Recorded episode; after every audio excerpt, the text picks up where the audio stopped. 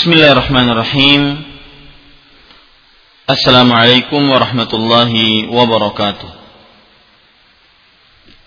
إن الحمد لله نحمده ونستعينه ونستغفره ونعوذ بالله من شرور أنفسنا وسيئات أعمالنا من يهده الله فلا مضل له ومن يضلل فلا هادي له وأشهد أن لا إله إلا الله وحده لا شريك له وأشهد أن محمدا عبده ورسوله. يا أيها الذين آمنوا اتقوا الله حق تقاته ولا تموتن إلا وأنتم مسلمون. يا أيها الناس اتقوا ربكم الذي خلقكم من نفس واحدة وخلق منها زوجها وبث منهما رجالا كثيرا ونساء واتقوا الله الذي تساءلون به والأرحام إن الله كان عليكم رقيبا. يا أيها الذين آمنوا اتقوا الله وقولوا قولا سديدا يصلح لكم أعمالكم ويغفر لكم ذنوبكم ومن يطع الله ورسوله فقد فاز فوزا عظيما. أما بعد فإن أصدق الحديث كتاب الله وخير الهدي هدي محمد صلى الله عليه وعلى آله وسلم وشر الأمور محدثاتها وكل محدثة بدعة وكل بدعة ضلالة وكل ضلالة في النار. Alhamdulillah kita bersyukur pada Allah Subhanahu wa taala pada hari ini Selasa malam waktu Indonesia dan sore waktu Arab Saudi 16 Sya'ban 1434 Hijriah kita duduk bersama mengkaji ayat-ayat suci Al-Qur'an dan hadis-hadis Rasul sallallahu alaihi wa ala alihi wasallam. Salawat dan salam semoga senantiasa selalu disampaikan kepada Nabi kita Muhammad sallallahu alaihi wa ala alihi wasallam pada keluarga beliau, para sahabat, serta orang-orang yang mengikuti beliau sampai hari kiamat kelak.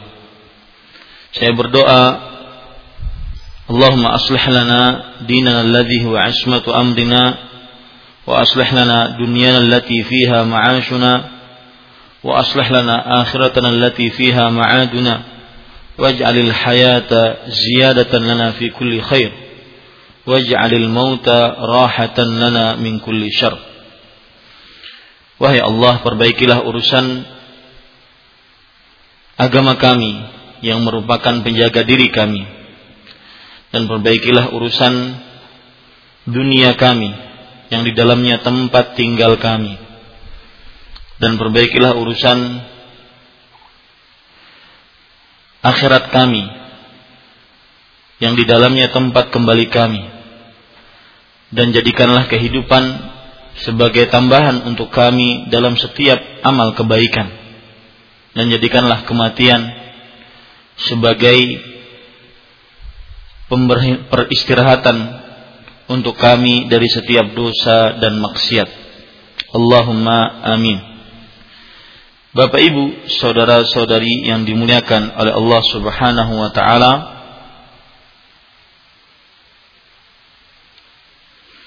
pada kesempatan kali ini kita setelah menyelesaikan walhamdulillah alladzi bi ni'matihi tatimmus salihat kitab atau penjelasan kitab Al-Arba'in An-Nawawiyah maka waktu yang tersisa sebelum memasuki bulan Ramadan setiap Selasa malam sebelum kita menunjuk kitab apa kembali yang akan kita bahas maka alangkah baiknya kita mempersiapkan diri kita untuk memasuki bulan Ramadan. Bulan mubarak. Bulan yang penuh dengan berkah. Ramadan bulan yang penuh dengan berkah. Bapak Ibu, saudara-saudari yang dimuliakan oleh Allah Subhanahu wa taala. Untuk itulah pada kesempatan kali ini dan ini adalah kajian yang pertama saya mengangkat tema menjelang atau persiapan menjelang Ramadan bulan penuh dengan berkah. Bagian yang pertama. Dan insya Allah taala kita akan membagi kajian persiapan menjelang Ramadan ini sebanyak tiga bagian. Mungkin ada yang bertanya, sebegitu luar biasanya kah bulan Ramadan? Sampai kita mempersiapkan diri kita menghadapi bulan Ramadan dengan persiapan yang luar biasa. Maka Bapak Ibu, saudara-saudari yang dimuliakan oleh Allah Subhanahu wa taala, bukan hanya orang-orang yang sudah menuntut ilmu saja yang mempersiapkan Ramadan.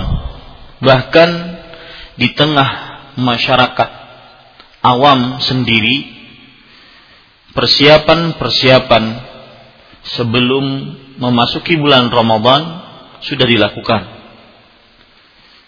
Meskipun terkadang persiapannya tersebut tidak didasari dengan dasar hukum yang kuat dari Al-Quran atau Sunnah Nabi Muhammad Sallallahu Alaihi Wasallam yang dipahami atas pemahaman para salaf saleh. Kita lihat masyarakat terkadang sebelum memasuki bulan Ramadan melakukan kegiatan nyekar yaitu berziarah kubur mengkhususkan diri untuk berziarah kubur khusus sebelum memasuki bulan Ramadan. Ada lagi sebagian yang mempersiapkan diri memasuki bulan Ramadan dengan bebenah membereskan rumah membersihkan rumah. Mungkin rumahnya dicat kembali lampu-lampunya diperbaiki yang mati diganti dan yang semisalnya.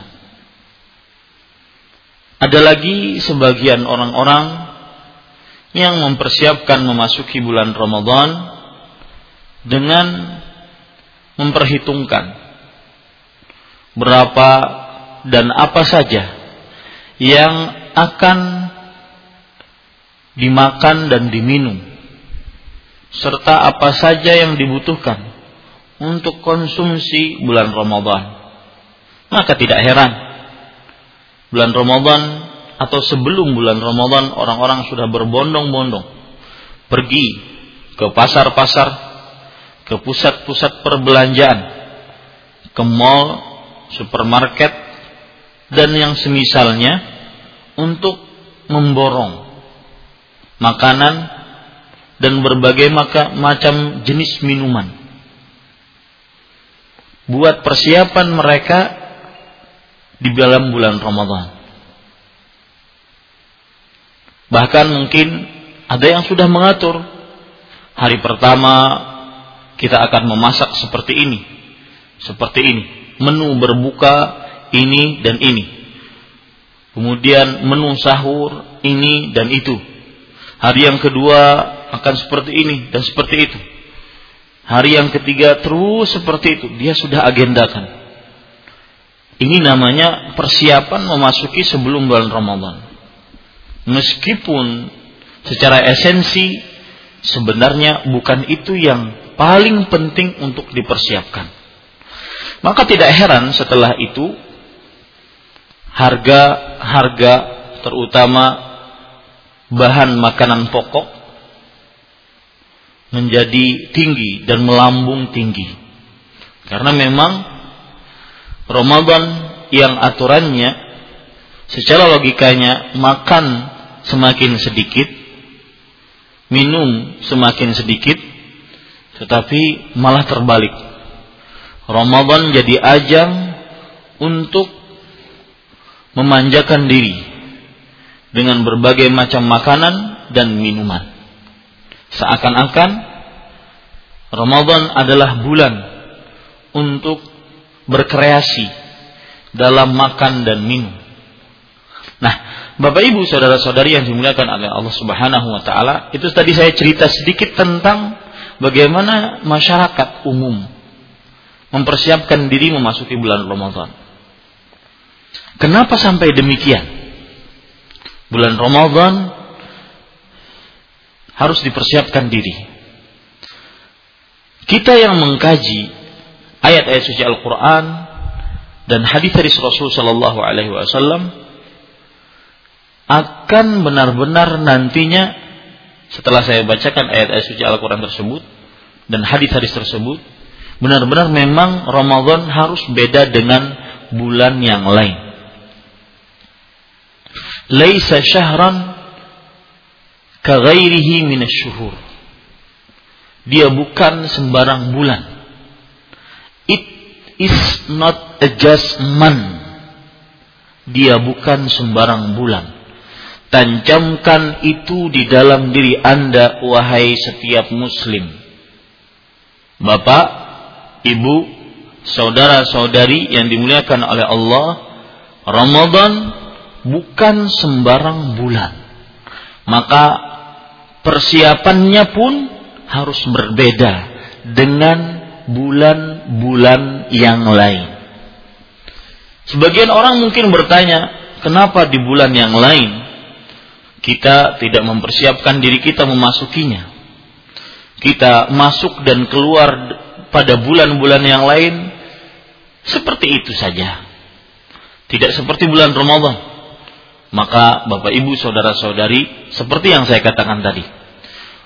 Bulan Ramadan bukan sembarang bulan, maka harus dipersiapkan semenjak dini. Bahkan nanti saya bacakan dari perkataan Al-Hafidh Ibnu Rajab Al-Hambali rahimahullahu taala bahwa kanu yad'una an yub, an yad'una Allah an yuballighahum Ramadan qabla sittati ashhur. Para ulama terdahulu, generasi salafus salih dari para sahabat, para tabi'i, para tabi'ut tabi'in, mereka berdoa kepada Allah agar memasuki bulan Ramadan dan disampaikan umurnya oleh Allah ke dalam bulan Ramadan enam bulan sebelum bulan Ramadan. Ini menunjukkan bahwasanya mereka mempunyai persiapan memasuki bulan Ramadan. Bahkan Rasulullah Shallallahu Alaihi Wasallam sendiri memotivasi para sahabatnya untuk mempersiapkan diri memasuki bulan Ramadan.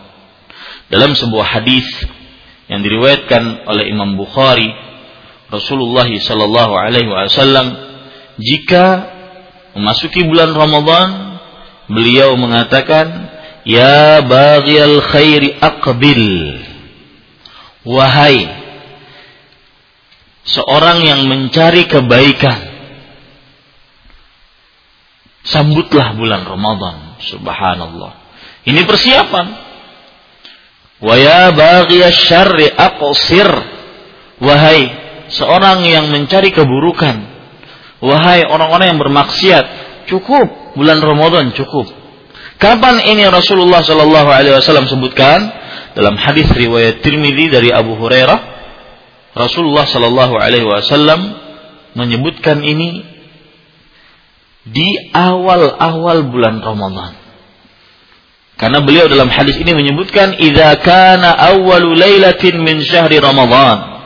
Jika pada malam pertama dari bulan Ramadan.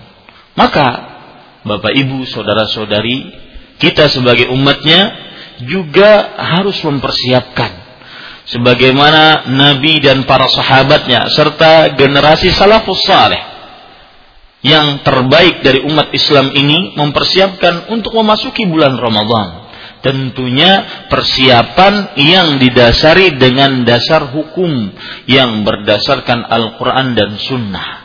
Bukan persiapan karena uh, bukan persiapan yang didasari dengan perbuatan yang mengada-ngada atau persiapan yang bukan merupakan esensi dari ibadah dalam bulan Ramadan tersebut. Pertanyaan tadi belum kita jawab. Kenapa bulan Ramadan kita harus mempersiapkannya? Bapak Ibu saudara-saudari yang dimuliakan oleh Allah Subhanahu wa taala jawabannya sangat mudah. Jawabannya adalah tema kajian kita. Tema kajian kita persiapan menjelang Ramadan. Bulan penuh dengan berkah. Yang dalam bahasa Arabnya syahrun mubarak bulan yang penuh dengan berkah yang dalam bahasa Arabnya disebut dengan syahrun mubarak. Perhatikan sebuah hadis riwayat Imam An-Nasa'i dari Abu Hurairah radhiyallahu anhu Rasulullah sallallahu alaihi wasallam bersabda, "Atakum Ramadan, syahrun mubarak. Faradallahu azza wa jalla alaikum siyamahu." Telah datang kepada kalian Ramadan, bulan yang penuh dengan berkah. Allah Azza wa Jalla telah mewajibkan atas kalian berpuasa pada bulan tersebut. Bapak Ibu, saudara-saudari yang dimuliakan oleh Allah Subhanahu wa taala, inilah nama untuk Ramadan yang paling nyunnah, yang paling sesuai dengan sunnah. Ramadan Mubarak dan walhamdulillah segala puji hanya milik Allah. Istilah ini sekarang sudah mulai dipakai oleh masyarakat umum di tengah-tengah kaum muslim. Ramadan Mubarak. Selamat datang bulan Ramadan Mubarak. Ya. Ini lebih nyunnah daripada kita memakai Ramadan atau selamat datang bulan suci.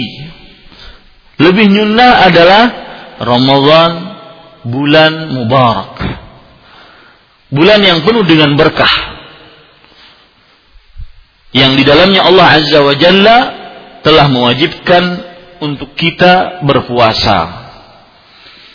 Sekarang Bapak Ibu Saudara-saudari, kalau ingin tahu konkret apa sebenarnya berkah dalam bulan Ramadan, apa sebenarnya kenapa Rasul Shallallahu Alaihi Wasallam sampai menyatakan syahrul mubarak Ramadan adalah bulan yang penuh dengan berkah.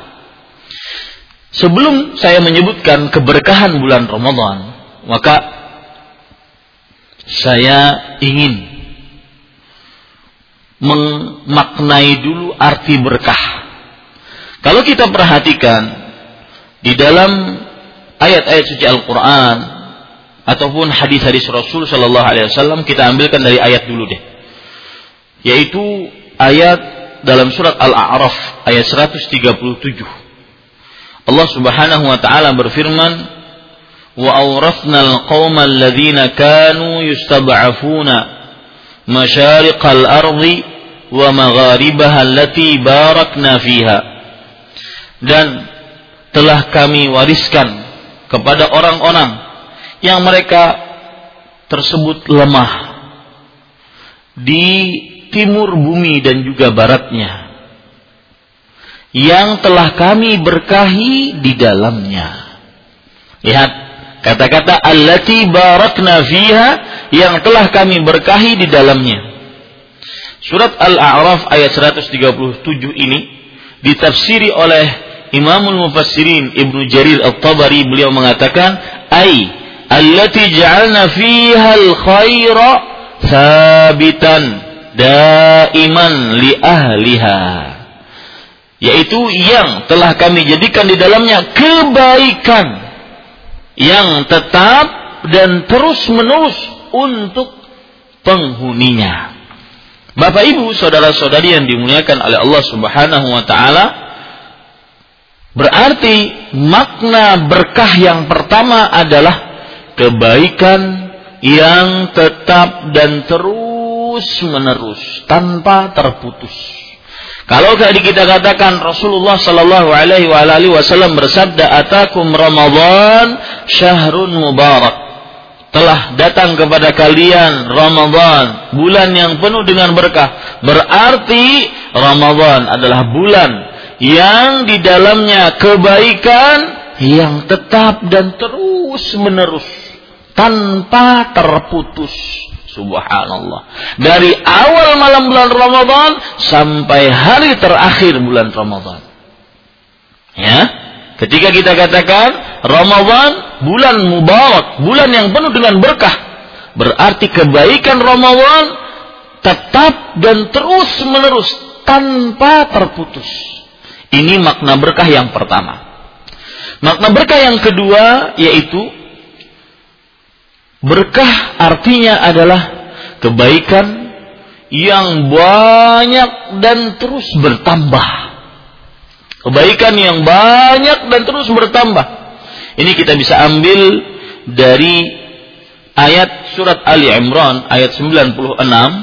Allah Subhanahu wa taala berfirman, "Inna awwala baitin wudi'a lin-nas lalladzi bi Bakkata mubarakan. Sesungguhnya rumah yang pertama kali diletakkan untuk manusia dalam rangka beribadah adalah yang terdapat di Mekah yang penuh dengan berkah.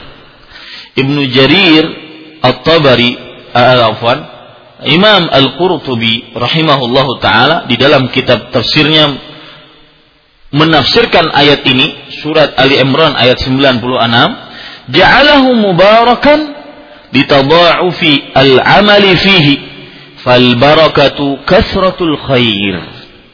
Artinya Allah telah menjadikan Mekah dan Ka'bah penuh dengan berkah dikarenakan beramal di dalamnya diganjar dengan berlipat-lipat ganjaran. Satu kali sholat diganjar dengan seratus ribu sholat. Subhanallah. Maka kata beliau, fal barakatu kasratul khair. Maka arti berkah adalah kebaikan yang banyak dan terus bertambah.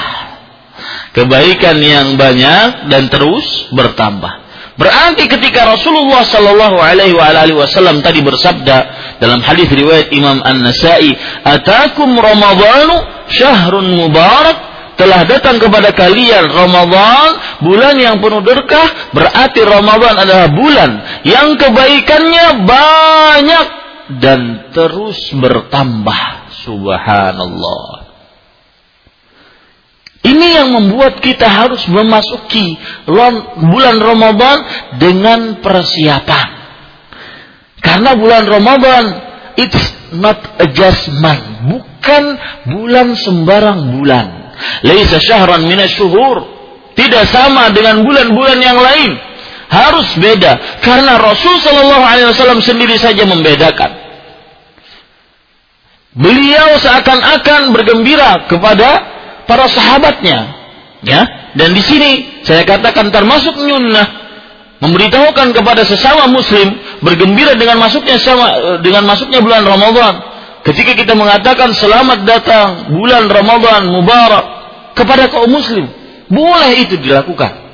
Atakum Ramadan syahrun mubarak. Seakan-akan Rasul sallallahu alaihi wasallam bergembira kepada para sahabatnya, "Ayo telah datang bulan Ramadan." Bulan yang penuh dengan berkah, dan dalam hadis yang lain tadi, Rasulullah sallallahu alaihi wasallam menyebutkan, "Ya baghiyal khairi aqbil wa ya baghiyal syarri aqsir." Wahai pencari kebaikan, pencari pahala, pencari amal saleh, ayo sambut bulan Ramadan. Ini waktunya untuk beramal. Wahai orang-orang yang masih sibuk dengan maksiatnya, dosanya, ayo dalam bulan Ramadan cukuplah. Berhenti ini waktunya untuk kembali kepada Allah Subhanahu wa taala. Subhanallah. Maka dari sini butuh persiapan menjelang Ramadan, bulan penuh dengan berkah. Bapak Ibu, saudara-saudari yang dimuliakan oleh Allah Subhanahu wa taala, kalau kita ingin mengetahui lebih detail lagi apa sih kebaikan yang ada dalam bulan Ramadan yang tadi katanya tetap dan terus menerus dan tanpa ter, tanpa putus. Yang tadi katanya banyak dan terus bertambah ya tidak pernah e, berkurang. Apa sih kebaikan dalam bulan Ramadan? Maka Bapak Ibu saudara-saudari yang dimuliakan oleh Allah Subhanahu wa taala salah satu kebaikan yang sangat luar biasa dalam bulan Ramadan.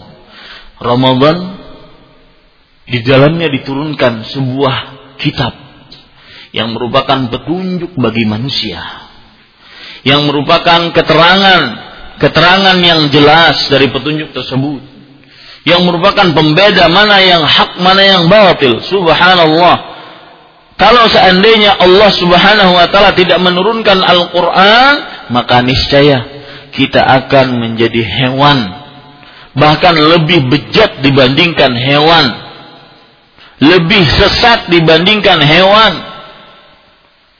Dan ini termasuk berkahnya Ramadan. Dalam sebuah ayat di ayat yang ke uh, surat Al-Baqarah ayat 185 Allah Subhanahu wa taala berfirman, "Syahrul Ramadan alladzi unzila fihi al-Qur'an hudal linnas wa bayyinatin minal huda wal furqan." Bulan Ramadan yang di dalamnya diturunkan Al-Qur'an sebagai petunjuk bagi manusia. Dan keterangan-keterangan dari petunjuk tersebut dan juga pembeda mana yang hak, mana yang batil. Ini berkahnya Ramadan. Diturunkan Al-Quran, kitab suci yang tidak ada perubahan di dalamnya yang selalu dijaga oleh Allah Subhanahu wa taala yang merupakan petunjuk bagi manusia dengan Al-Quran tersebut seseorang bisa menapaki jalan yang ditunjukkan oleh Allah Subhanahu wa taala menuju surganya Allah Subhanahu wa taala. Kalau tidak kita tersesat. Maka di sini letak berkahnya Bapak Ibu, saudara-saudari. Kemudian kalau kita ingin lihat hadis-hadis yang lain yang menunjukkan tentang berkahnya Ramadan adalah bahwa di dalam bulan Ramadan akan dibuka seluruh pintu surga. Tidak satu pun yang ditutup. Akan ditutup seluruh pintu neraka. Tidak satu pun yang terbuka. Akan diikat dengan rantai para pemimpin-pemimpin jin dan setan. Akan dibukakan pintu rahmat dan pintu langit Subhanallah. Dan lebih luar biasa lagi. Di dalam bulan Ramadan Allah Subhanahu wa taala dan ini kita berharap subhanallah. Ini yang kenapa para sahabat Nabi, para salafus saleh, generasi-generasi terdahulu yang terbaik dari umat Islam, mereka berdoa enam bulan sebelum masuk bulan Ramadan agar bisa memasuki bulan Ramadan. Di dalam bulan Ramadan ternyata Allah memiliki hamba-hamba yang dibebaskan, dimerdekakan dari api neraka dan itu setiap malam. Subhanallah. Coba perhatikan dalam sebuah hadis yang diriwayatkan oleh Imam Bukhari dan Imam Muslim dari Abu Hurairah radhiyallahu anhu Rasulullah sallallahu alaihi wasallam bersabda إذا كان أول ليلة من رمضان سفدت الشياطين ومردت الجن وغلقت أبواب النار فلم يفتح منها باب وفتحت أبواب الجنة فلم يغلق منها باب وينادي مناد يا باغي الخير أقبل ويا باغي الشر أقصر walillahi utaqa'u minan nar wa kullu lailah subhanallah. Jika pada malam pertama dari bulan Ramadan akan dibelenggu para syaitan dengan diikat dengan rantai dan para pemimpin jin. Ditutup seluruh pintu-pintu neraka. Tidak ada yang terbuka satu pintu pun dibuka pintu-pintu surga tidak ada yang terbuka tertutup satu pintu pun dan dalam riwayat yang lain wa futihat abwabus sama dan dibukakan pintu-pintu langit Dalam riwayat yang lain, wa futiha abwabur rahmah. Dan dibukakan pintu-pintu rahmat. Subhanallah. Ya, beda Bapak Ibu saudara-saudari. Harus kalau makanya kalau begitu kita harus persiapan menjelang memasuki bulan Ramadan yang penuh dengan berkah. Lalu ada suara yang yang menyeru, "Wahai pencari kebaikan, ayo sambut bulan Ramadan." Wahai pencari dosa dan maksiat, pelaku dosa dan maksiat, cukupkan dalam bulan Ramadan. Sudah cukup, ini Ramadan, beda dengan bulan yang lain. Dan Allah Subhanahu wa taala memiliki orang-orang yang dimerdekakan dari api neraka. Subhanallah. Utaqa minan nar dimerdekakan Pak dari api neraka. Mudah-mudahan kita termasuk orang-orang tersebut. Ini yang kenapa para sahabat Nabi radhiyallahu anhu benar-benar semangat sekali memasuki bulan Ramadan. Walillahi utaqau minan nar. Allah Subhanahu wa taala memiliki orang-orang yang dimerdekakan dari api neraka. Merdeka Pak dari api neraka.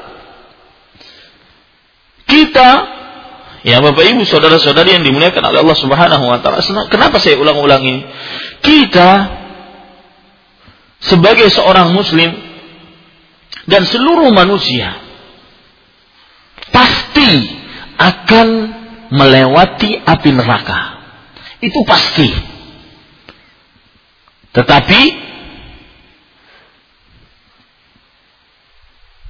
yang tidak pasti adalah Allah Subhanahu wa taala apakah menyelamatkan kita dari api neraka tersebut atau tidak. Ya, dari api neraka tersebut atau tidak? Coba perhatikan Allah Subhanahu wa taala berfirman, "Wa in minkum illa wariduha kana 'ala rabbika hatman maqdiyah." Subhanallah ini ayat Siapa saja yang hendak bermaksiat ingat surat Maryam ayat 71. Niscaya Anda tidak akan pernah bermaksiat kepada Allah Subhanahu wa taala. Wa in minkum illa wariduha. Kana ala rabbika hatman maqdiya. Tidak ada di antara kalian kecuali akan melewati neraka tersebut. Itu adalah sudah keputusan atas Rabbmu yang pasti. Melewatinya pasti. Kemudian kata Allah di dalam surat Maryam ayat yang selanjutnya 72 Allah berfirman, "Tsumma nunajjil ladzina taqaw wa nadharu adh-dhalimina fiha jithiya." Kemudian kami selamatkan orang-orang yang bertakwa dan kami tinggalkan orang-orang yang zalim di dalamnya dengan bertekuk lutut. Mendatangi neraka pasti Bapak Ibu saudara-saudari. Selamatnya belum pasti. Karena Allah menyebutkan orang-orang yang selamat orang yang bertakwa dan Allah Subhanahu wa taala menyebutkan akan meninggalkan orang-orang yang zalim di dalamnya dan kita tahu hakikat dari kita sendiri Makanya ketika kita mendapatkan hadis Nabi Muhammad sallallahu alaihi wasallam tadi yang berbunyi walillahi nar wa kullu. Dan di dalam bulan Ramadan Allah memiliki orang-orang yang dimerdekakan dari api neraka. Semoga kita orangnya. Kenapa? Karena kita pasti akan melewati api neraka. Tapi selamatnya belum pasti. Dengan Ramadan mudah-mudahan Allah memerdekakan kita dari api neraka. Ini yang dicari oleh para sahabat Nabi radhiyallahu anhu. Dan luar biasanya lagi bulan Ramadan, wadzalika kullu lailah. Yang seperti itu pemandangan seperti itu di setiap malam bulan Ramadan. Bapak Ibu, saudara-saudari yang dimuliakan oleh Allah Subhanahu wa taala, tidak ada yang semisal dengan bulan Ramadan dari berkah, kebaikan, pahala berlipat, ampunan tanpa batas. maka perlu persiapan. Sudah 11 bulan kita penuh dengan maksiat dan dosa. Bapak Ibu saudara-saudari yang dimuliakan oleh Allah Subhanahu wa taala. Sekarang persiapan pertama saya katakan tadi kajian kita ini akan saya bagi menjadi tiga bagian.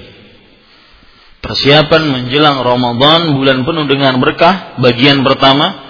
Persiapan yang pertama yang harus kita persiapkan adalah persiapan tekad dan niat untuk beribadah dan menggunakan waktu sebaik-baiknya dalam bulan Ramadan. Persiapan tekad dan niat untuk beribadah dan menggunakan waktu sebaik-baiknya dalam bulan Ramadan. Kenapa demikian Bapak Ibu Saudara-saudari yang dimuliakan oleh Allah? Karena ketika seorang mempunyai tekad, asa, maka dia mempunyai target yang ingin dia capai. Oleh sebab itulah Bapak Ibu Saudara-saudari yang dimuliakan oleh Allah Subhanahu wa taala, tercela seorang muslim sebahlal. Tercela seorang muslim tidak mempunyai tekad, niat di dalam dirinya, tercela. Ya. Tercela seorang muslim tidak mempunyai target, tercela.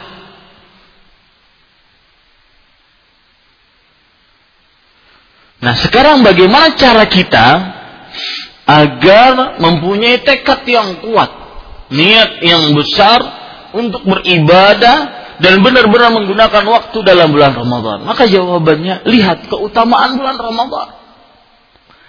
Lihat keistimewaan bulan Ramadan dan perhatikan keistimewaan puasa. Umar bin Khattab radhiyallahu anhu pernah berkata, "Inni la akrahu li ahadikum an yakuna khalian sabahlala." Aku sangat membenci jika salah seorang di antara kalian dia itu kosong melompong, tidak ada target, tidak ada tekad, tidak ada asa yang dia ingin capai. La fi amal dunia waladin. Tidak baik e, dalam perkara dunia ataupun perkara agama. Maka Bapak Ibu saudara-saudari perlu tekad yang kuat Kapan tekad itu muncul? Maka subhanallah. Rupanya Allah subhanahu wa ta'ala mempunyai hikmah dalam setiap perintahnya. Allah subhanahu wa ta'ala senantiasa memotivasi hamba-hambanya dengan menyebutkan baik melalui Al-Quran ataupun hadis dari Rasul Sallallahu Alaihi Wasallam yang sahih tentang keutamaan-keutamaan dari mengerjakan perintah tersebut. Semisal kita diperintahkan untuk beribadah dalam bulan Ramadan, menggunakan waktu sebaik-baiknya dalam bulan Ramadan. Tanpa ketinggalan Allah menyebutkan keutamaan dan keistimewaan bulan Ramadan selain yang sudah saya sebutkan tadi. Sehingga kita termotivasi, terdorong, mempunyai tekad akhirnya, mempunyai niat yang besar untuk benar-benar beribadah dan menggunakan waktu sebaik-baiknya dalam bulan Ramadan. Dan ingat, Bapak Ibu saudara-saudari yang dimuliakan oleh Allah Subhanahu wa taala, Ramadan cuma 29 hari. Jangan dikira Ramadan sepanjang tahun.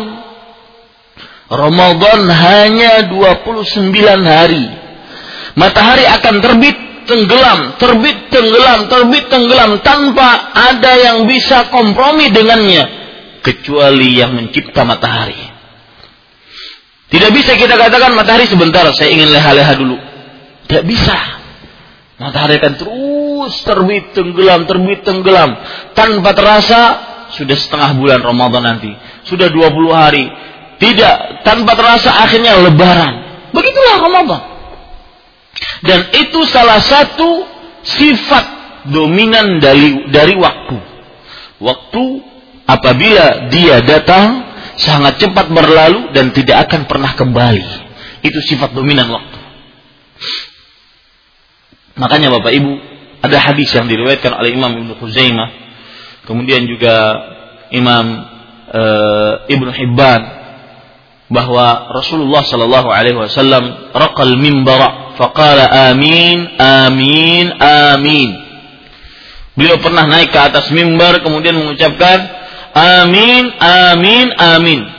Para sahabat Nabi orang Arab paham arti amin yang artinya istajib lana. Kabulkanlah doa kami.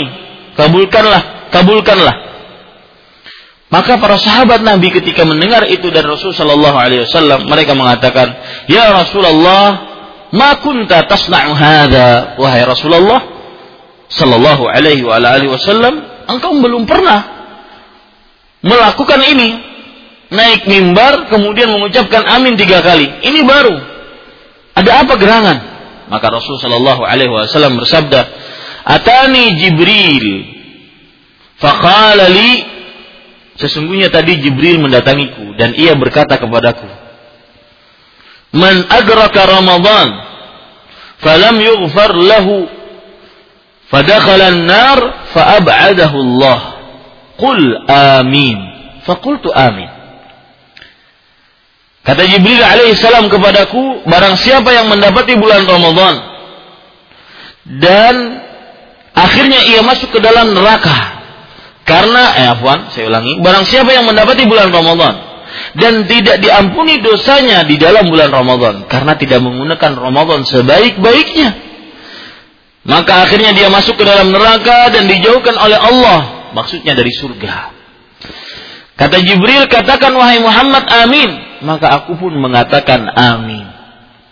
Subhanallah. Hati-hati waktu dalam bulan Ramadan. Makanya perlu kita mengumpulkan tekad dan niat agar benar-benar beribadah dan menggunakan waktu sebaik-baiknya dalam bulan Ramadan. Bapak Ibu saudara-saudari, sekali lagi agar kita termotivasi untuk menggunakan waktu sebaik-baiknya bulan Ramadan, lihat keutamaan, kebaikan, keagungan bulan Ramadan. Salah satunya adalah dalam bulan Ramadan terdapat sebuah malam yang lebih baik dibandingkan seribu bulan. Yang apabila orang hidup pada malam itu, tapi dia tidak mendapati malam tersebut, maka benar-benar dia merugi, sengsara, melarat dengan segala macam kerugian dan kesengsaraan. Dia adalah orang-orang yang benar-benar tertahan dari kebaikan kalau dia tidak mendapat di bulan Ramadan. Padahal dia memasuki eh, kalau seandainya dia tidak mendapati malam tersebut, padahal dia ada dalam bulan Ramadan tersebut. Coba perhatikan hadisnya sekarang. Sebuah hadis yang diriwayatkan oleh Imam An-Nasa'i dari Abu Hurairah radhiyallahu anhu Rasulullah sallallahu alaihi wasallam bersabda Atakum Ramadan syahrun mubarak. Faradallahu azza wa jalla alaikum siyamahu. Telah datang kepada kalian bulan Ramadan, bulan yang penuh dengan berkah. Allah azza wa jalla telah mewajibkan atas kalian berpuasa padanya. Tuftahu afihi abwabus sama wa tughlaqu fihi abwabul jahim. Di dalamnya dibuka pintu-pintu langit dan di dalamnya ditutup pintu-pintu neraka jahanam. Wutughallu fihi maradatus syayatin dan di dalamnya diikat dengan rantai pemimpin-pemimpin syaitan. Kemudian ini yang menjadi inti dari hadis ini. Lillahi fihi lailatun khairun min alfi syahr. Di dalamnya terdapat sebuah bulan Eh afan, saya ulangi. Di dalamnya Allah memiliki sebuah malam lebih baik dari seribu bulan. Man hurima khairaha faqad hurim. Barang siapa yang diharamkan kebaikan malam tersebut, maka sungguh dia diharamkan dari apa pun, dari kebaikan apa pun. Dan hadis ini ada lagi penekanan dalam hadis riwayat Imam Ibnu Majah dari Anas bin Malik radhiyallahu anhu beliau berkata, "Dakhala Ramadan faqala Rasulullah sallallahu alaihi wasallam." Telah datang bulan Ramadan, maka Rasulullah sallallahu alaihi wasallam bersabda, "Inna hadha syahra qad hadarakum." Sesungguhnya bulan ini telah mendatangi kalian. Dan ini juga dalil yang menunjukkan bahwasanya kita boleh bergembira dengan masuk bulan Ramadan. Dengan mengucapkan selamat memasuki bulan Ramadan. Selamat datang bulan Ramadan, bulan penuh berkah. Kita sebarkan di tengah kaum muslim, di tengah manusia. Boleh. Karena Rasul sallallahu alaihi wasallam yang melakukan ini. Wa fihi lailatun khairun min alfi syahr. Di dalamnya terdapat sebuah malam lebih baik dari seribu bulan. Man hurimaha faqad hurimal khaira kullahu. Barang siapa yang diharamkan tidak mendapatkan malam tersebut, maka sungguh dia tidak mendapatkan seluruh kebaikan apa pun. Wala yuhram khairaha illa mahrum. Tidak ada yang diharamkan terdapat uh, tentang malam tersebut kecuali orang-orang yang benar-benar diharamkan dari kebaikan apa pun. Benar-benar merugi, sengsara, melarat. Ini Bapak Ibu, saudara-saudari, keutamaan bulan Ramadan. Maka perlu tekad. Ya, perlu niat untuk memasuki bulan Ramadan. Dan subhanallah, dari mulai sekarang tekadkan saya benar-benar beribadah dalam bulan Ramadan. Niatkan saya benar-benar ingin menggunakan waktu sebaik-baiknya dalam bulan Ramadan. Nih, Bapak Ibu, saudara-saudari yang dimuliakan oleh Allah Subhanahu wa taala. Kemudian kalau kita perhatikan keutamaan bulan Ramadan yang lain yang memotivasi tekad kita niat kita agar benar-benar menggunakan bulan Ramadan dengan sebaik-baiknya, Ramadan adalah bulan pengampunan dosa. Lihat, berbagai macam hadis dengan berbagai macam cara Rasulullah Shallallahu Alaihi Wasallam menyampaikan bahwasanya dalam bulan Ramadan terdapat pengampunan dosa. Dalam sebuah hadis yang diriwayatkan oleh Imam Muslim dari Abu Hurairah radhiyallahu anhu Rasulullah sallallahu alaihi wasallam bersabda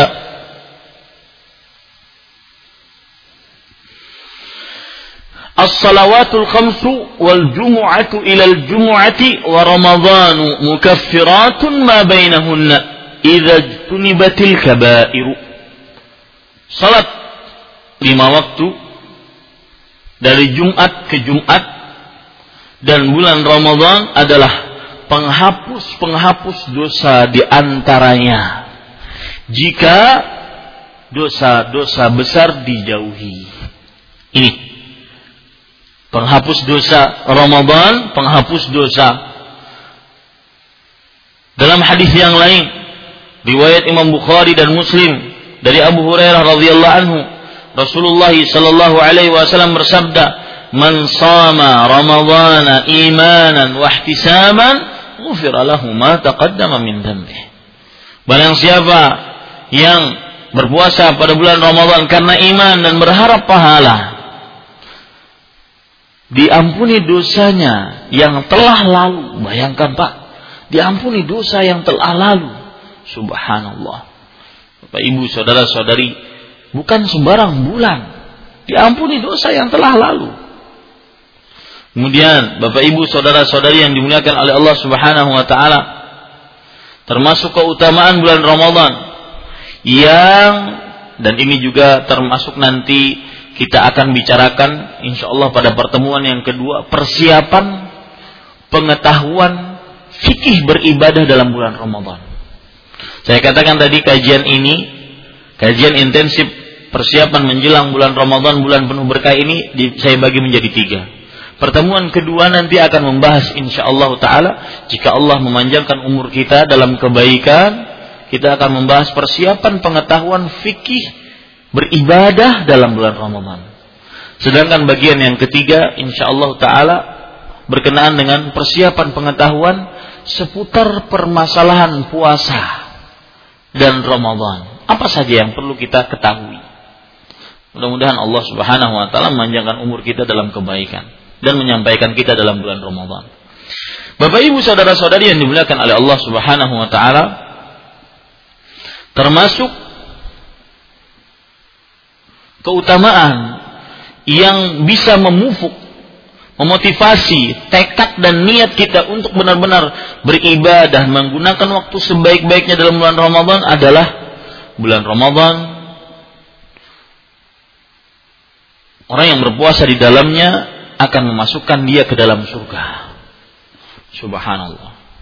Bapak Ibu saudara-saudari yang dimuliakan oleh Allah Subhanahu wa taala perhatikan dalam sebuah hadis yang diriwayatkan oleh Imam Muslim dari Jabir radhiyallahu anhu anna rajulan sa'ala Rasulullah sallallahu alaihi wa alihi wasallam faqala Ya Rasulullah ara'aita idza sallaitu al-maktubati wa sumtu ramadhana wa ahlaltu al-halala wa harramtu al-harama wa lam azid ala dhalika syai'an a'adkhulul jannata Jabir bercerita bahwa seorang pernah bertanya kepada Rasulullah sallallahu alaihi wasallam, "Wahai Rasulullah,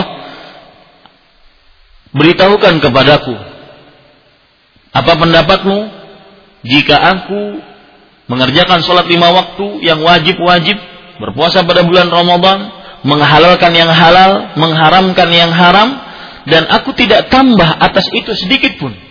Apakah aku masuk surga? Faqala Nabi sallallahu alaihi wasallam, "Na'am." Nabi Muhammad sallallahu alaihi wasallam bersabda, "Iya." Wallahi la azidu ala dzalika syai'an. Lalu orang tersebut pun mengatakan, "Demi Allah aku tidak akan menambahkan sedikit pun dari hal itu."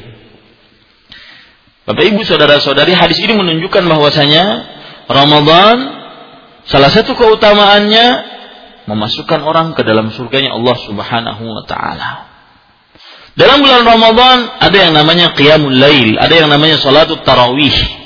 Nabi Muhammad sallallahu alaihi wasallam bersabda, dalam sebuah hadis yang diriwayatkan oleh Imam Bukhari dan Muslim dari Abu Hurairah radhiyallahu anhu man sa man qama ramadhana imanan wa ihtisaban ghufira lahu ma taqaddama min dzambih barang siapa yang bangun malam pada bulan Ramadan karena iman dan berharap pahala diampuni dosa-dosanya yang telah lalu setelah ini apa saya tidak yakin ada sebagian kaum muslim tidak mempersiapkan tekad dan niat yang besar untuk benar-benar beribadah dalam bulan Ramadan.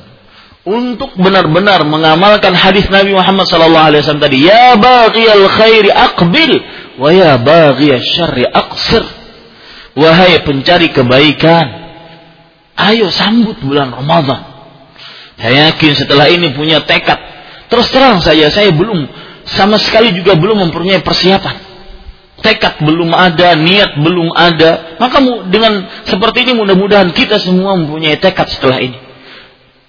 Mempunyai niat yang kuat untuk benar-benar beribadah dan menggunakan waktu sebaik-baiknya bulan Ramadan. Tidak seperti waktu-waktu yang biasa. Tidak seperti bulan-bulan yang lain yang kita lalui dan masuki keluar begitu saja.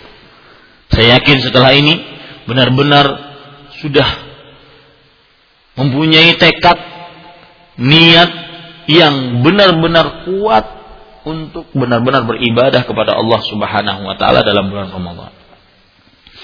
Bapak Ibu saudara-saudari yang dimuliakan oleh Allah, persiapan yang kedua adalah persiapan psikologis menghadapi memasuki Ramadan bulan penuh dengan berkah. Apa maksud persiapan psikologis? Persiapan jiwa, mental. Persiapan jiwa dan mental memasuki Ramadan bulan yang penuh dengan berkah. Apa apakah ada dalil dari Al-Qur'an persiapan ini? Dan juga apakah ada dalil dari sunnah-sunnah Nabi Muhammad SAW persiapan ini? Maka jawabannya ada. Nabi kita Muhammad wasallam sendiri di dalam bulan sebelum memasuki bulan Ramadan, beliau senantiasa mempersiapkan diri beliau untuk persiapan bulan Ramadan. Ya. Beliau senantiasa memasuki uh, ber mempersiapkan diri secara psikologis sebelum memasuki bulan Ramadan dan itu beliau lakukan di bulan Syaban. Coba perhatikan beberapa hadis yang akan saya sebutkan sekarang. Yaitu misalkan hadis yang diriwayatkan oleh Imam Tirmidzi dari Abu Salamah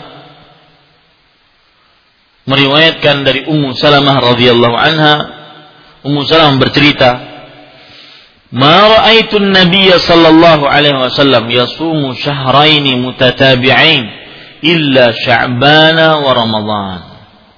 Aku tidak pernah melihat Nabi Muhammad sallallahu alaihi wasallam berpuasa dua bulan berturut-turut kecuali dalam bulan Syaban dan Ramadan. Hadis ini dijelaskan oleh Aisyah radhiyallahu anha. Apa maksud dari berpuasa dua bulan berturut-turut? Coba perhatikan.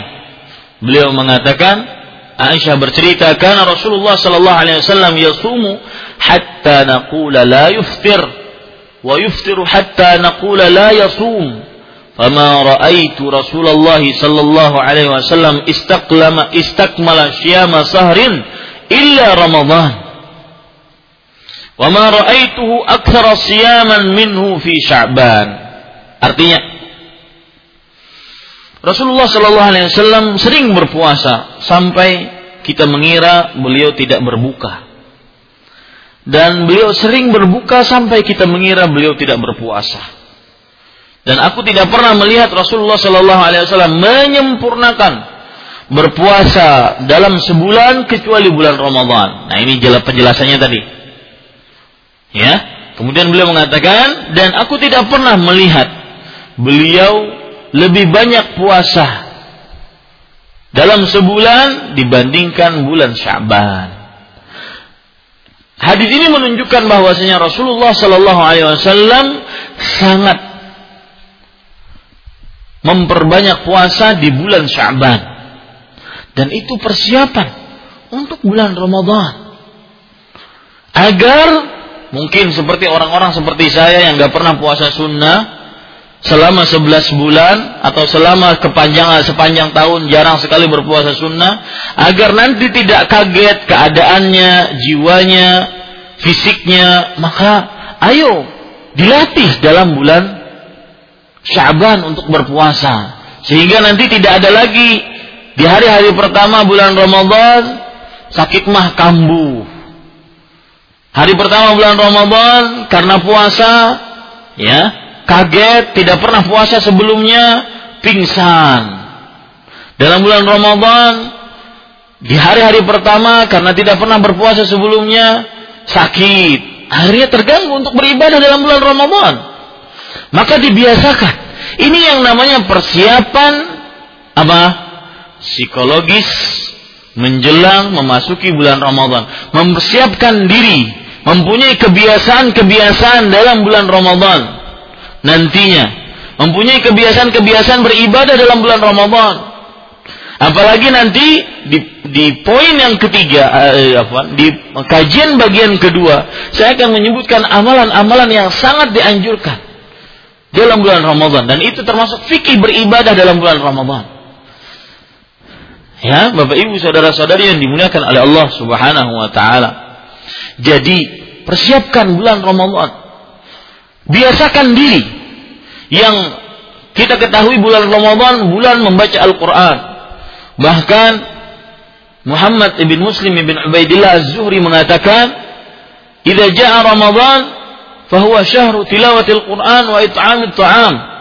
Jika telah masuk bulan Ramadan, maka dia adalah bulan untuk membaca Al-Quran dan memberi makan kepada fakir miskin. Yang belum terbiasa membaca Al-Quran di hari-hari biasa selain Ramadan, maka biasakan di bulan Syaban ini. Biasakan.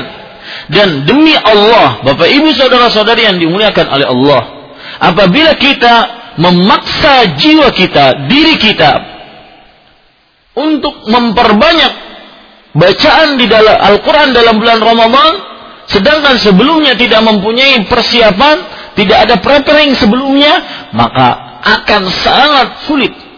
Mungkin kita akan bisa bertahan sehari, dua hari. Itu pun kita paksa. Hari yang ketiga, jiwa kita, psikologis kita akan merasa terbebani. Karena tidak terbiasa. Orang bisa karena biasa. Maka mulai saat ini, ya, coba di dalam bulan Ramadan, Bapak Ibu, saudara-saudari yang dimuliakan oleh Allah Subhanahu wa taala, di dalam mohon maaf, di dalam bulan Syaban maksud saya, dibiasakan untuk beribadah, terutama ibadah-ibadah yang sangat dianjurkan dalam bulan Ramadan. Seperti baca Quran tadi. Ya. Dan ini termasuk persiapan psikologis. Agar terbiasa nanti dalam bulan Ramadan untuk membaca Al-Quran. Maka tidak heran para ulama-ulama terdahulu dari mulai para sahabat, para tabi, tabi'ut tabi'in, kemudian diikuti oleh para imam. Mereka ada yang hatam dalam bulan Ramadan sekian kali. Ada yang hatam dalam bulan Ramadan Al-Quran sekian kali. Tidak heran. Kenapa Bapak Ibu saudara-saudari yang dimuliakan oleh Allah, oleh Allah Subhanahu wa taala? Karena salah satu sebabnya adalah mereka senantiasa mempersiapkan diri untuk memasuki bulan Ramadan. Persiapan harus dibisa, di, dibiasakan untuk memasuki bulan Ramadan. Persiapan bersedekah apa? Eh, persiapan psikologis kejiwaan dalam perkara sedekah. Biasakan diri untuk bersedekah. Karena bulan Ramadan bulan mengeluarkan harta.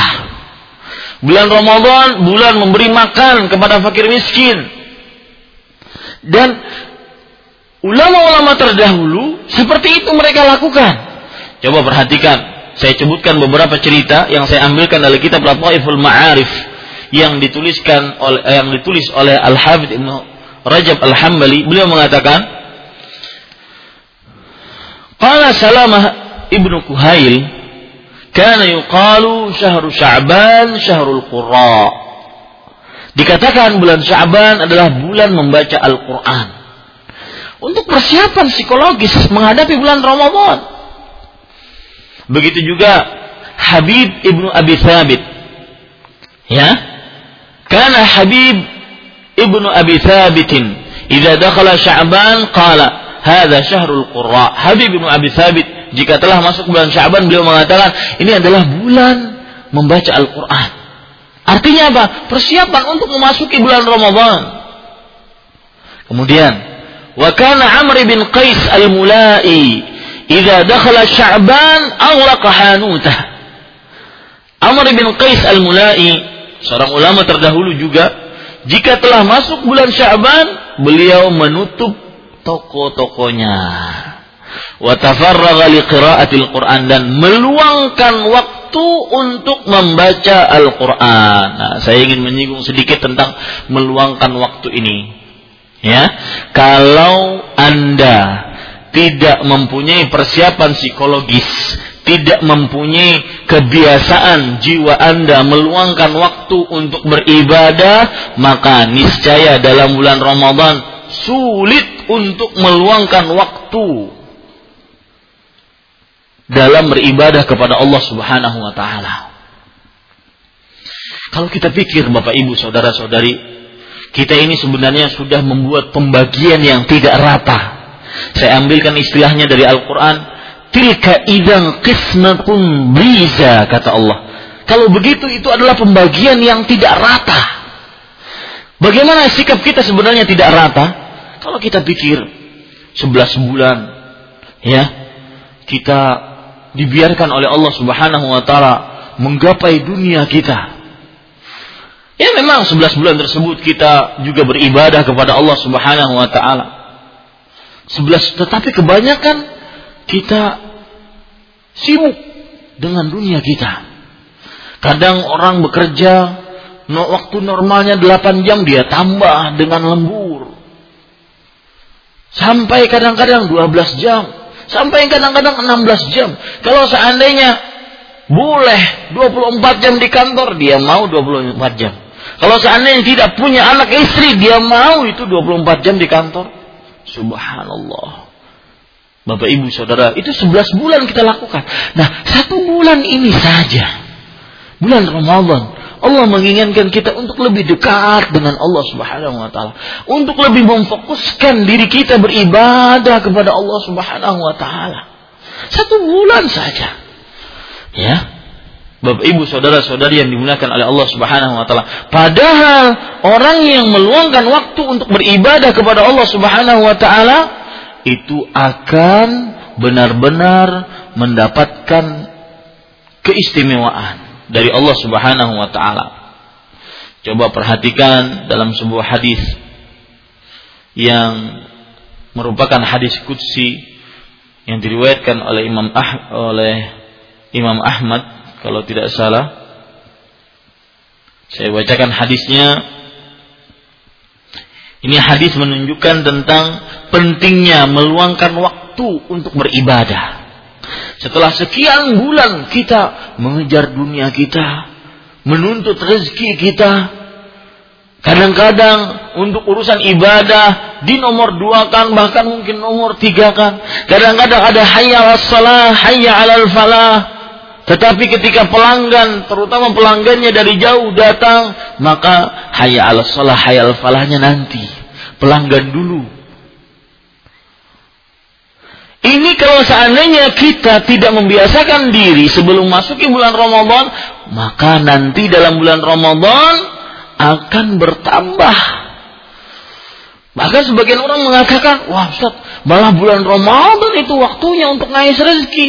Malah bulan Ramadan itu ladang untuk mengais rezeki. Kan persiapan lebaran Ustaz. Subhanallah. Luangkan waktu ya akhi. Apakah nggak cukup sudah 11 bulan? Untuk beribadah kepada Allah subhanahu wa ta'ala. Dan keutamaan meluangkan waktu. Sebagaimana yang diriwayatkan oleh Imam Ibnu Majah, Imam Tirmidzi dan juga Imam Ahmad seperti yang saya katakan tadi. Dari Abu Hurairah radhiyallahu anhu Qala Nabi sallallahu alaihi wasallam Nabi Muhammad sallallahu alaihi wa alihi wasallam bersabda Qala Allah azza wa jal Allah azza wa jalla berfirman Ibnu Adam wahai anak manusia Lihat ini Allah yang manggil kita dan siapa saja yang merasa anak Adam saya yakin semua yang mendengar saya dari bapak, ibu, saudara, saudari, seluruh para pendengar sekalian yang semoga selalu dirahmati oleh Allah adalah anak Adam. Tidak ada yang mengaku anak kera atas teori Darwinnya. Enggak. Wahai anak Adam, kata Allah Subhanahu wa taala, tafarrar li'ibadati. Luangkan waktumu untuk beribadah kepadaku. Apa manfaatnya? Amla sadraka ghinan. Aku akan isi hatimu, dadamu, perasaanmu dengan kekayaan. Wa asuddu faqrak dan bukan hanya kejiwaannya saja yang diisi oleh Allah, tetapi benar-benar secara real nyata Allah akan tutupi kefakirannya, kemiskinannya. Wa illa taf'al mala'tu sadraka syughlan walam asudda faqrak. Kalau tidak kamu kerjakan hal itu, tidak kamu meluangkan waktumu untuk beribadah kepadaku, maka aku akan isi hatimu, dadamu dengan kesibukan sibuk terus merasa sibuk, terus merasa kurang. Tetapi sayangnya, walam asudda faqra. Aku tidak akan tutupi kefakiranmu. Selalu merasa miskin. Selalu merasa kekurangan. Ini bedanya orang yang meluangkan waktu untuk beribadah kepada Allah dengan yang tidak beribadah dan tidak meluangkan waktu beribadah kepada Allah Subhanahu wa taala. Oleh sebab itulah, Bapak Ibu, saudara-saudari, luangkan waktu kita. Dan itu perlu proses, perlu pembiasaan, perlu psikologis yang sudah terbiasa dalam diri kita. Ya. Seorang misalkan Bapak Ibu saudara-saudari yang dimuliakan oleh Allah Subhanahu wa taala dia setiap malam jarang sekali sholat malam seperti yang berbicara di hadapan bapak ibu sekalian. Mungkin sholat juga cuma satu rakaat itu pun setiap habis sholat isya. Gak pernah pokoknya bangun malam. Maka perlu persiapan untuk bisa berterawih, qiyamul lail, bertahajud, agar benar-benar mendapatkan hadis dari Rasul sallallahu alaihi wasallam tadi man qama ramadan imanan wa ihtisaban ghufira lahu ma taqaddama min dhanbi barang siapa yang bangun malam pada bulan Ramadan untuk beribadah karena iman dan berharap pahala diampuni dosa-dosa yang telah lalu.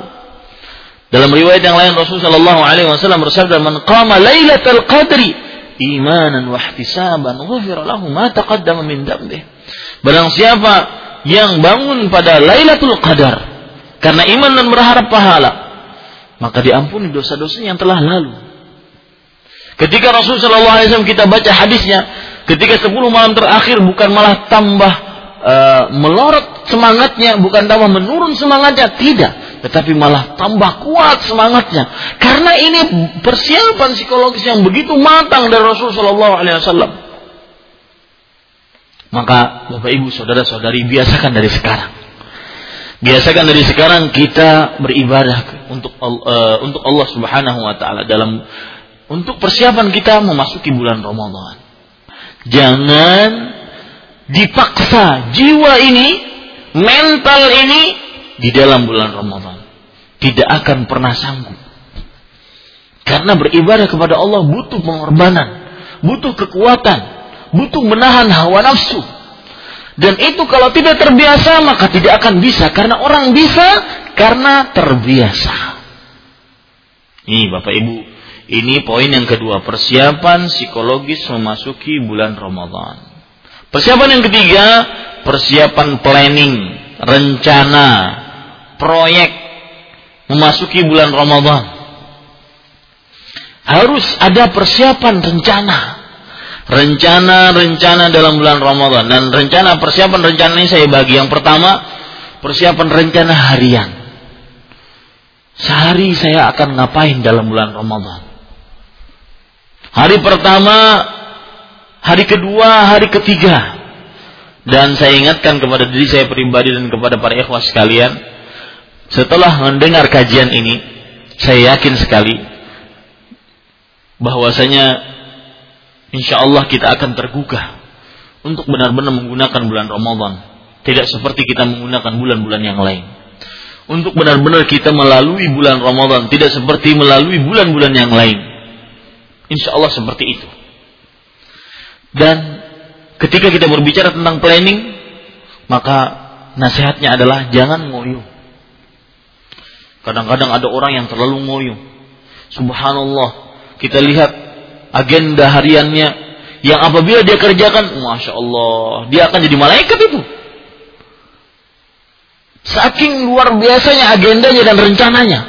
Bagus bercita-cita tinggi bagus, tapi harus perhatikan kekuatan diri. Allah Subhanahu wa taala berfirman, "Fattaqullaha mastata'tum." Bertakwalah kepada Allah sesuai dengan kemampuan kalian. Idza amartukum bi amrin fa'tu minhu mastata'tum. Jika aku perintahkan kepada kalian dengan sebuah perintah, maka kerjakan sesuai dengan kemampuan kalian. Jangan terlalu ngoyo. Karena orang yang terlalu ngoyo nantinya maka dia tidak akan jiwanya akan merasa terbebani. Akhirnya tidak kontinu beribadahnya padahal dan ini juga yang termasuk ya, fikih beribadah yang minggu depan saya akan saya akan kupas secara detail dan rinci ya. Padahal yang paling di, diharapkan dari seorang muslim adalah terus menerusnya dalam ibadah. Bukan hanya sekedar memperhatikan kuantitasnya saja, tetapi juga kualitas dan terus menerusnya kontinuitas seorang muslim dalam beribadah itu yang sangat diharapkan sebenarnya. Ini Bapak Ibu saudara-saudari perlu agenda, perlu rencana harian. Saya pagi habis subuh ngapain? Habis zuhur ngapain? Habis isya ngapain? Habis maghrib ngapain? Dan tentunya kita hubungkan dengan pekerjaan kita sehari-hari. Ini juga berlaku baik bagi ibu-ibu ataupun kaum perempuan. Bukan hanya laki-laki saja. Dimulai dari saat sekarang. Pokoknya Ramadan tahun ini harus beda. Harus lebih berilmu dan lebih beramal. Demi menggapai takwa. Ramadan tahun ini harus lebih berilmu, lebih beramal demi menggapai takwa. Amal bukan sekedar amal tetapi harus dilandasi dengan ilmu dan untuk tujuan bertakwa kepada Allah Subhanahu wa taala. Bapak Ibu saudara-saudari yang dimuliakan oleh Allah Subhanahu wa taala, termasuk persiapan planning adalah persiapan apa yang kita ingin lakukan dalam bulan Ramadan? Oh, setiap orang beda-beda kekuatannya. Si fulan diberikan kekuatan pandai membaca Al-Quran dan kuat membaca Al-Quran, maka silakan dia berseni dalam membaca Al-Quran. Maksud saya adalah silakan dia berseni dalam membaca Al-Quran.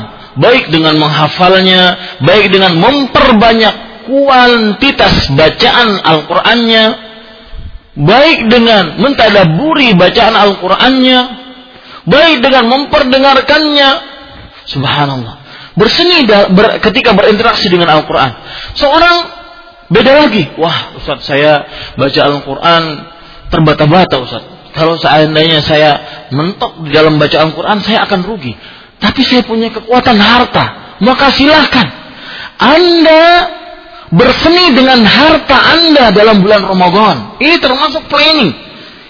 Misalkan kalau seandainya tahun kemarin saya cuma memberikan membukakan puasa untuk satu masjid, maka sekarang saya harus mencari masjid mana yang sangat membutuhkan buka puasa. Orang-orang di sana sangat membutuhkan. Dan ingat, salah satu fikih bersedekah semakin dibutuhkan sedekah tersebut semakin besar pahalanya. Dengan dalil Allah Rasulullah Shallallahu Alaihi Wasallam bersabda, khairukum anfa'um linnas. Sebaik-baik kalian yang paling bermanfaat untuk manusia.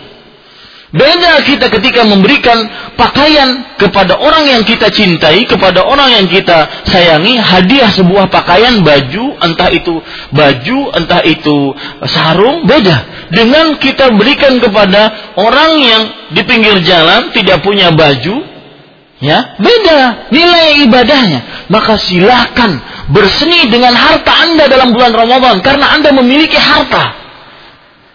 Anda mungkin bisa melihat berapa janda yang ada di kampung saya. Yang ada yang Anda ketahui. Yang tidak punya lagi kepala keluarga yang bisa membiayai mereka. Biayai mereka. Ini seni dalam beribadah dengan harta. Subhanallah. Ya, jangan terpaku hanya dengan sebuah ibadah. Anda punya kemampuan apa? Perhatikan kemampuan dalam diri Anda. Berseni dalam beribadah dengan harta yang lain. Siapa yang mempunyai hutang yang apabila tidak dibayarkan maka hutang tersebut akan mengakibatkan orang yang berhutang yang masuk ke dalam penjara. Padahal yang dimasukkan ke dalam penjara ini dia mempunyai anak sepuluh, bininya empat. Padahal dia bukan orang yang bersalah karena dia ditipu. Subhanallah. Anda sebagai orang yang mempunyai harta berseni dalam beribadah dengan harta Anda. Silakan. Cari cara agar bisa mengeluarkan harta Anda sebanyak-banyak dalam bulan Ramadan. Planning ini butuh planning. Bapak Ibu, saudara-saudari yang dimuliakan oleh Allah Subhanahu wa taala, sungguh orang yang muwafak yang diberikan petunjuk oleh Allah akan benar-benar tahu kemampuan dirinya dan menggunakan kemampuan tersebut untuk mendapatkan menggapai pahala yang berlipat terutama dalam bulan Ramadan. Ini Bapak Ibu Saudara, seorang yang mempunyai kekuatan, tidak punya keahlian membaca Al-Quran, dia punya kekuatan, tidak punya juga harta, tidak punya, dia punya kekuatan. Tolong orang dengan kekuatan Anda berseni untuk beribadah kepada Allah Subhanahu wa taala dengan kekuatan Anda. Subhanallah, luar biasa Bapak Ibu Saudara-saudari. Harus punya planning. Ya, punya planning untuk uh, persiapan masuk bulan Ramadan. Karena bulan Ramadan, ya, bulan membaca Al-Quran, bulan uh, semangat beribadah, bulan mengeluarkan harta. Sekali lagi, terutama orang-orang yang diluaskan rezekinya oleh Allah Subhanahu wa taala. Jangan sampai Anda bakhil dengan harta Anda dalam bulan Ramadan.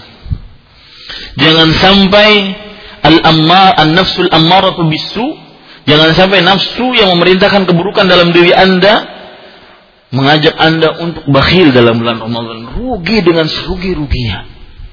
Bayangkan subhanallah, coba perhatikan nikmatnya menjadi orang kaya. Dia akan mendapatkan pahala begitu besar dengan hanya mengeluarkan hartanya.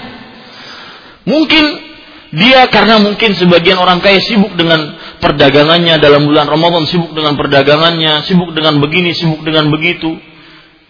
Aktivitas ibadahnya kurang dibandingkan yang tidak berdagang, dibandingkan yang tidak mempunyai harta. Tapi dia akan bisa mencapai itu dengan cara dia mengeluarkan harta. Tidak ingatkah kita hadis Rasul Shallallahu Alaihi Wasallam yang bersabda, Man aftara sa'iman falahu mithlu ajri sa'imi min ghairi an yanqusa min ajri sa'imi syai'an. Barang siapa yang membukakan seorang yang sedang berpuasa, maka dia akan mendapatkan pahala orang yang sedang berpuasa tersebut tanpa mengurangi pahala orang yang sedang berpuasa tersebut. Subhanallah. Ternyata yang dibukakan orang yang berpuasa tersebut adalah orang yang pada hari itu hatam Al-Quran. Setiap lima hari, setiap enam hari hatam Al-Quran mulutnya tidak lepas dari berzikir kepada Allah, berdoa kepada Allah. Itu pahala akan dia gondol, akan didapatkan orang-orang yang membuka puasanya dan itu tidak didapatkan kecuali orang yang luas rezekinya. Subhanallah. Bapak ibu saudara saudari silakan berseni dalam beribadah dengan harta dalam bulan Ramadan. Pilih. Ada peluang-peluang saya bisa mengeluarkan harta saya dengan baik dalam bulan Ramadan kerjakan itu dan ikhlaskan niat karena Allah Subhanahu wa taala. Ini luar biasa, butuh planning Bapak Ibu Saudara sekalian. Butuh kita pilih-pilih harta-harta kita ini. Kemudian juga planning yang lain, persiapan persiapan kita. Planning untuk membaca Al-Qur'an. Yang belum punya Al-Qur'an, silahkan beli sekarang yang kira-kira saya membutuhkan Al-Quran yang kecil karena saya sering naik e, mobil, saya sering naik kota, angkutan kota yang begitu jauh, satu jam, dua jam, yang biasa saya isi dengan mendengar musik, mendengar lagu, memikirkan dunia dan semacamnya, atau sibuk dengan status-status di media sosial yang tidak bermanfaat, maka lebih baik saya isi dengan membaca Al-Quran, maka saya butuh mushaf kecil, Silahkan dibeli. Ini namanya persiapan planning sebelum memasuki bulan Ramadan. Seakan-akan kita sudah berpikir satu bulan dan ini kita kita rencanakan apa? Subhanallah. Saya berdoa dengan nama-nama Allah yang husna dan sifat-sifat yang mulia. Semoga Allah Subhanahu wa taala memudahkan seluruh niat baik kita dalam bulan Ramadan ini. Semoga Allah Subhanahu wa taala memanjangkan umur kita dalam kebaikan. Semoga Allah Subhanahu wa taala memasukkan kita dalam bulan penuh dengan berkah ini. Sungguh para ikhwah sekalian, kalau seandainya tidak ada keutamaan dalam bulan Ramadan kecuali Lailatul Qadar, niscaya sudah mengalahkan seluruh bulan. Saya katakan seperti itu. Sungguh kalau seandainya tidak ada keutamaan dalam bulan Ramadan kecuali adanya Lailatul Qadar, niscaya sudah cukup seseorang untuk benar-benar bersungguh-sungguh memperhatikan dirinya dalam bulan Ramadan. Seorang bersungguh-sungguh untuk mempersiapkan dirinya memasuki bulan Ramadan. Bapak Ibu saudara-saudari yang dimuliakan oleh Allah, kira-kira itu yang bisa saya sampaikan. Apa yang baik itu hanya dari Allah Subhanahu wa taala. Apa yang buruk itu dari kami pribadi, manusia biasa. Wassalamualaikum warahmatullahi Muhammad walhamdulillahi rabbil alamin. Bapak Ibu, saudara-saudari yang dimuliakan oleh Allah Subhanahu wa taala, ya itulah kajian pertama, bagian pertama persiapan menjelang Ramadan. Bulan penuh dengan berkah bagian pertama. Dan insya Allah taala Selasa depan waktu yang sama jam 8 malam waktu Indonesia Barat dan 9 waktu Indonesia Tengah kita akan membahas persiapan menjelang Ramadan bulan penuh berkah bagian kedua yang di dalamnya saya akan berbicara tentang persiapan pengetahuan tentang fikih beribadah dalam bulan Ramadan. Dan sebelum kita memasuki pertanyaan-pertanyaan yang disampaikan, maka saya ingin mengucapkan jazakumullahu khairan Semoga Allah Subhanahu wa taala membalas kebaikan kepada seluruh para pendengar dan juga kepada seluruh kajian dan radio yang merelai kajian ini. Mudah-mudahan apa yang kita kaji tadi menjadi ilmu yang bermanfaat dan bisa mendekatkan diri kepada Allah Subhanahu wa taala dan sungguh salah satu tanda ilmu bermanfaat adalah ilmu yang menambah iman kepada kita, menambah semangat untuk beribadah kepada Allah, menambah ketakwaan kepada diri seorang muslim agar senantiasa lebih bertakwa kepada Allah Subhanahu wa taala.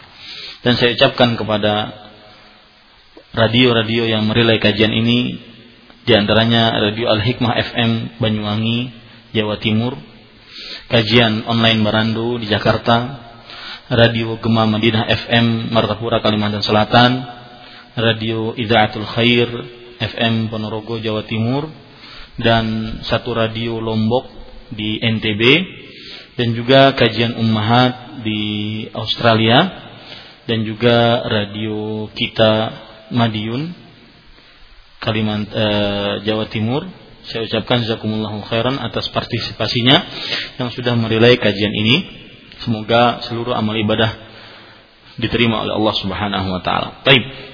Kita kepada pertanyaan pertama datang dari Radio Gema Madinah FM Martapura Kalimantan Selatan Assalamualaikum Waalaikumsalam warahmatullahi wabarakatuh. Apakah boleh seorang wanita sholat tarawih di rumah sendirian dari hamba Allah di Martapura? Terima kasih pertanyaannya hamba Allah di Martapura.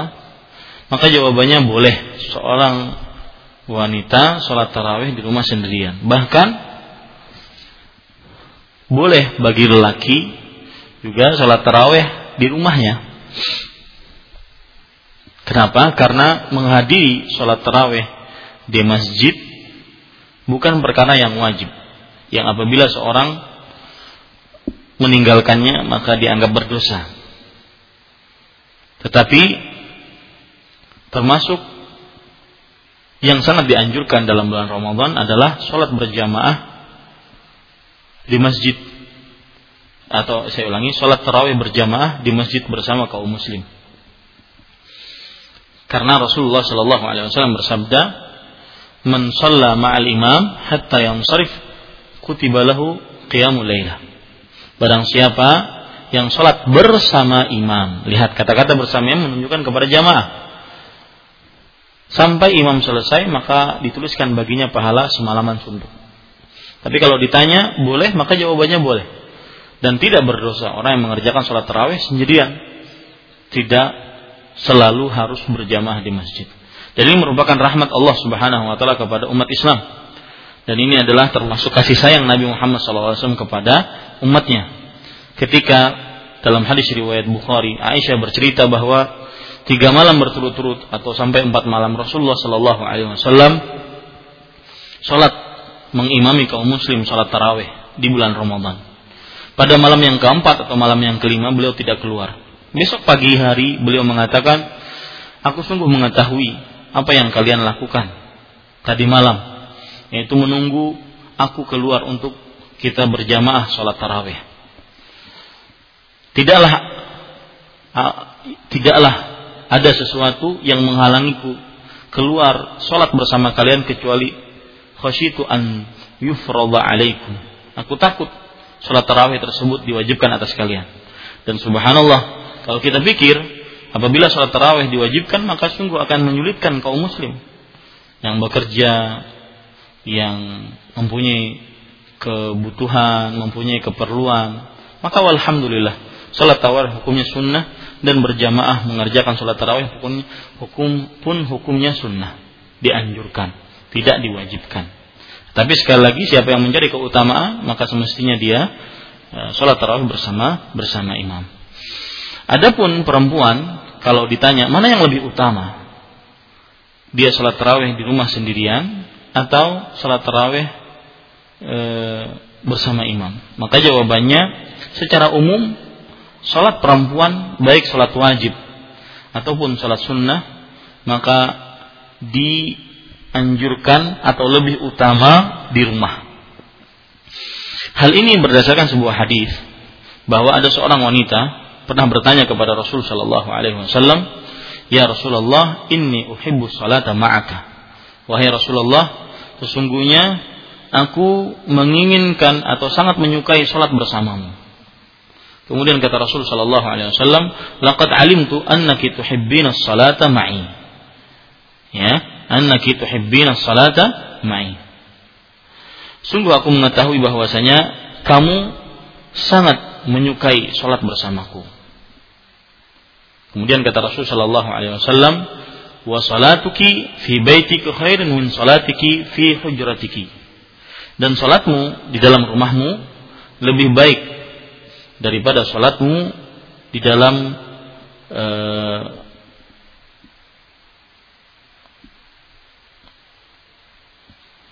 ruangan rumahmu.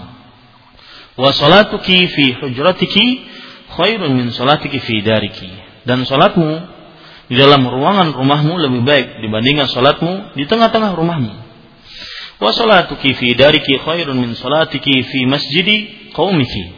Dan salatmu di tengah-tengah rumahmu lebih baik daripada salatmu di masjid kampungmu.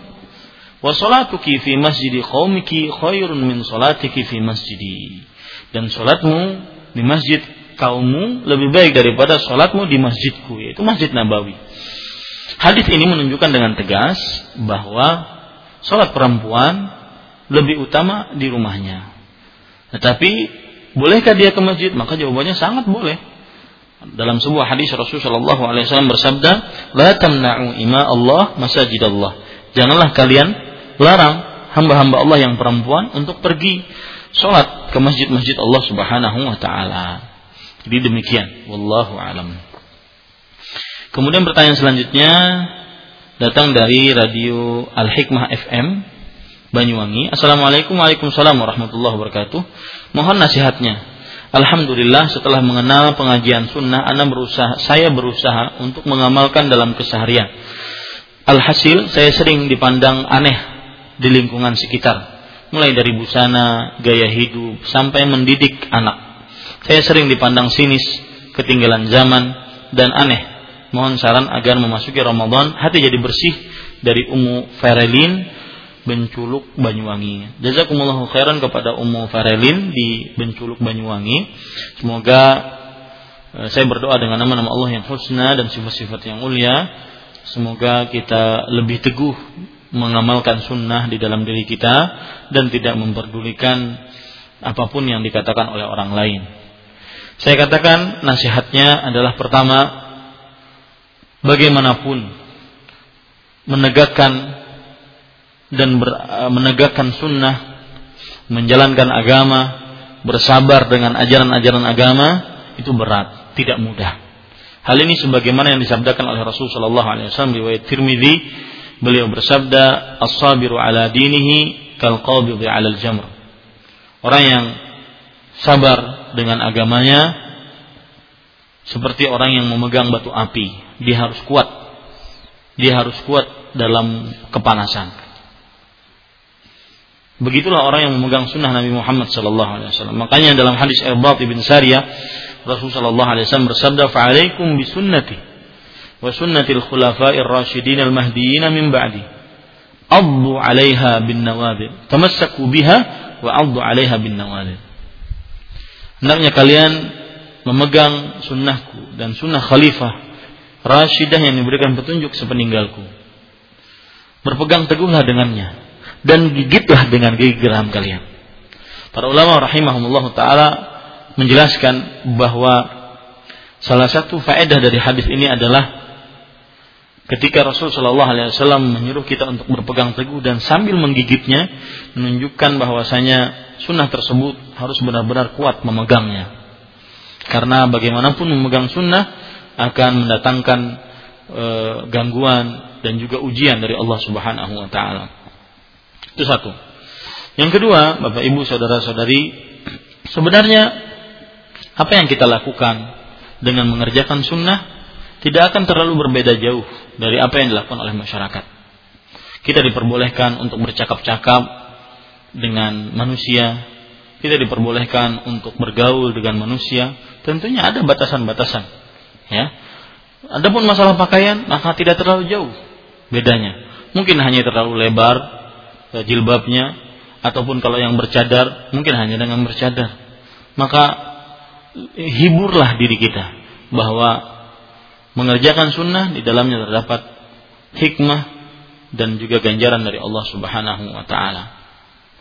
Jadi saya selalu sering mengatakan sebuah hadis dari Aisyah radhiyallahu anha bahwa Rasulullah sallallahu alaihi wasallam pernah bersabda, "Man iltamasa ridallah bisaqatin nas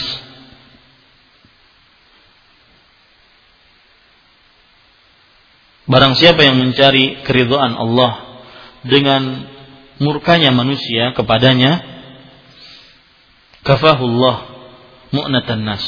Maka Allah akan mencukupkan beban yang ia tanggung dari manusia.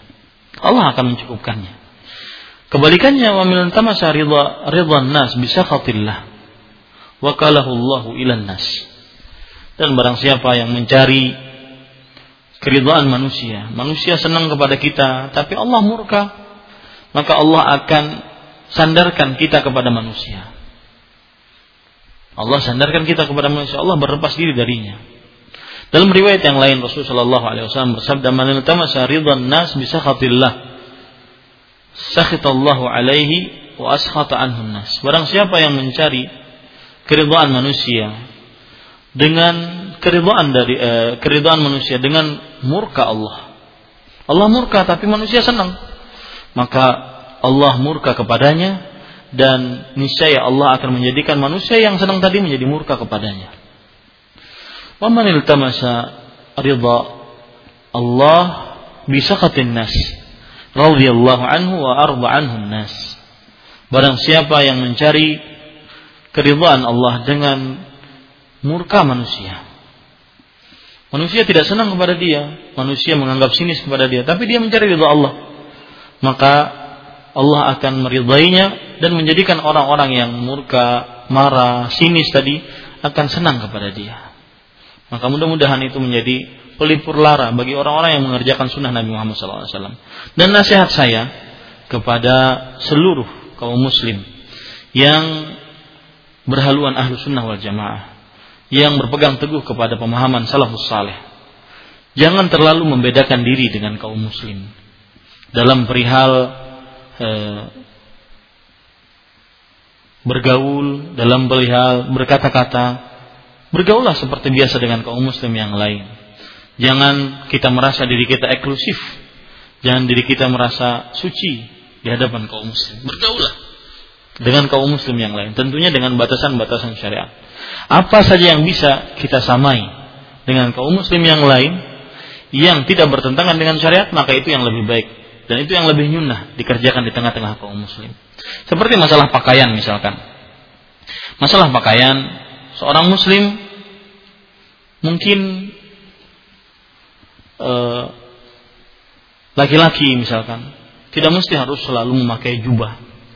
Tidak mesti harus selalu memakai pakaian yang eh, seperti pakaian Pakistan panjang, maka sama dengan kaum muslim yang lain.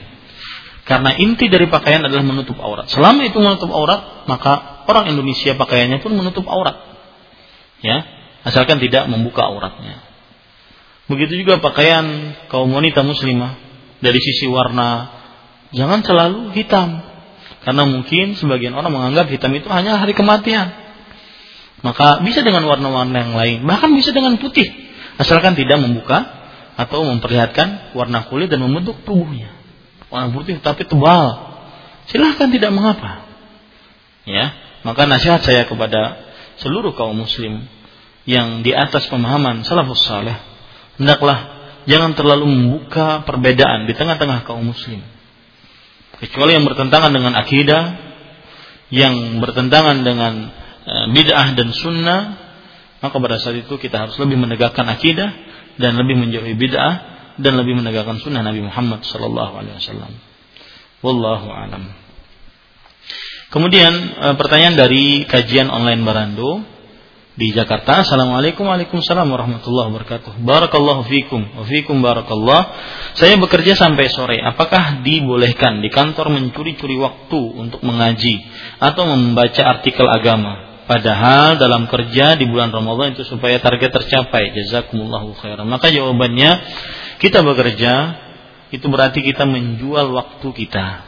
Dan termasuk amanah dalam bekerja adalah tidak mengerjakan pekerjaan dalam waktu kerja kita kecuali pekerjaan yang sesuai dengan pekerjaan kita. Itu amanah. Ya. Uh, Syekh Al-Muhaddis Al-Allamah Fadilatul Syekh Abdul Muhsin Al-Abbad hafizahullah taala. Beliau punya buku yang berjudul Kaifa yu'addil al-muwadhafu al-amanata. Bagaimana seorang pegawai pekerja menunaikan amanahnya sebagai pekerjanya. Salah satu yang beliau kutip di situ adalah bahwa seorang yang bekerja berarti telah menjual waktunya dengan mengambil gajinya dari waktu tersebut maka apabila seorang e, mengambil gaji dari waktu yang ia jual, dia menggunakan waktu kerjanya untuk selain pekerjaannya, ini berarti dia sudah mengambil harta tanpa kebenaran. Maka tidak boleh bahkan beliau menyebutkan dalam kitab beliau tidak boleh seorang di dalam waktu tersebut melakukan amalan-amalan sunnah, sholat sunnah, ya, kemudian hal-hal yang lain. Kerjakanlah pekerjaan kantor pekerjaan yang memang dikhususkan pada waktu itu untuk melakukan sebuah pekerjaan itu. Wallahu alam. Makanya seperti yang saya katakan tadi, solusinya adalah seorang muslim ketika bulan Ramadan mengurangi waktunya untuk kegiatan-kegiatan duniawi. Ya, dia lebih memfokuskan dirinya untuk beribadah kepada Allah Subhanahu wa taala. Baik, kita ambil pertanyaan selanjutnya datang dari eh, ibu-ibu di kajian ummahat di Australia. Di sini disebutkan bagaimanakah dengan wanita? Apakah keutamaan wanita juga melakukan qiyamul lail, tarawih berjamaah di masjid? Mohon penjelasannya jazakumullahu khairan. Seperti yang saya katakan tadi, ya. E, kalau ditanya mana yang lebih utama, sholat perempuan di masjid atau di rumah? Maka jawabannya sudah kita ketahui. Hadis yang saya bacakan tadi riwayat Imam Ibnu Hibban dan yang lainnya bahwa sholat di rumah seorang wanita lebih utama. Satu. Yang kedua, tetapi bolehkah seorang wanita sholat di masjid berjamaah entah itu taraweh atau sholat-sholat wajib lainnya maka jawabannya boleh ya tidak ada larangan karena Nabi Muhammad SAW melarang para suami untuk melarang suaminya pergi ke masjid ya ini dia. Jadi kemudian yang ketiga, bolehkah sholat tarawih di rumah? Maka jawabannya baik laki-laki ataupun perempuan boleh dia sholat di rumah. Tidak ada kewajiban harus di masjid. Tetapi yang lebih utama dilakukan di masjid untuk laki-laki. Wallahu alam. E, kembali kita ke pertanyaan dari beberapa radio, di antaranya radio Gema Madinah FM Martapura Kalimantan Selatan. Pertanyaan dari Ibu Ria di Banjarbaru. Assalamualaikum Waalaikumsalam warahmatullahi wabarakatuh. Apakah di bulan Ramadan semua amalan kita dilipat gandakan pahalanya oleh Allah Subhanahu wa taala seperti bersedekah, mengaji Al-Qur'an dan amalan yang lainnya. Dan malam yang terbaik itu mulai malam yang keberapa di bulan Ramadan? Mohon penjelasannya. Terima kasih. Wassalamualaikum. Waalaikumsalam warahmatullahi wabarakatuh. Terima kasih atas pertanyaannya. E, maka jawabannya tentang pelipatan pahala di dalam bulan Ramadan Allah Subhanahu wa taala tentang pelipatan pahala eh, di dalam bulan Ramadan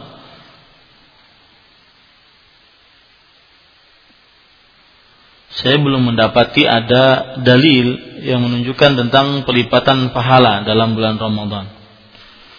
Tetapi dalam bulan Ramadan terdapat keutamaan-keutamaan yang lainnya yang menunjukkan tentang keutamaan bulan Ramadan dan keutamaan berpuasa. Ya. Adapun pelipatan pahala seperti misalkan sholat e, pahala sholat diganjar lebih daripada biasanya maka saya tidak dapati itu. Wallahu alam. Kemudian di pertanyaan yang sama malam yang terbaik itu mulai malam yang keberapa bulan Ramadan? Maka jawabannya semua malam Ramadan adalah baik. Semua malam Ramadan adalah baik, tentunya di sana ada yang lebih baik dari semua malam tersebut yaitu 10 hari terakhir bulan Ramadan 10 malam terakhir bulan Ramadan karena dalam hadis Aisyah radhiyallahu anha karena Rasulullah sallallahu alaihi wasallam idza al-ashr eh, shadda al-mi'zar ay qadha ahlahu wa shadda al-mi'zar Artinya Nabi Muhammad SAW jika memasuki bulan Ramadan, beliau membangunkan keluarganya, kemudian beliau mengikat sarungnya, yaitu e, ibarat atau ungkapan untuk menjauhi istri dan bersemangat dalam beribadah. Makanya beliau ber, beretikaf dalam 10 hari terakhir bulan Ramadan. Jadi dianjurkan sangat untuk menggunakan waktu sebaik-baiknya lebih baik lagi ketika 10 hari terakhir bulan Ramadan. Tetapi e, jangan dengan pertanyaan seperti ini kemudian dengan jawaban tadi menjadikan kita hanya me menggiatkan ibadah di 10 hari terakhir bulan Ramadan. Tetapi juga menggiatkan ibadah di malam-malam yang lainnya. Wallahu alam. Kemudian pertanyaan dari radio online Barando.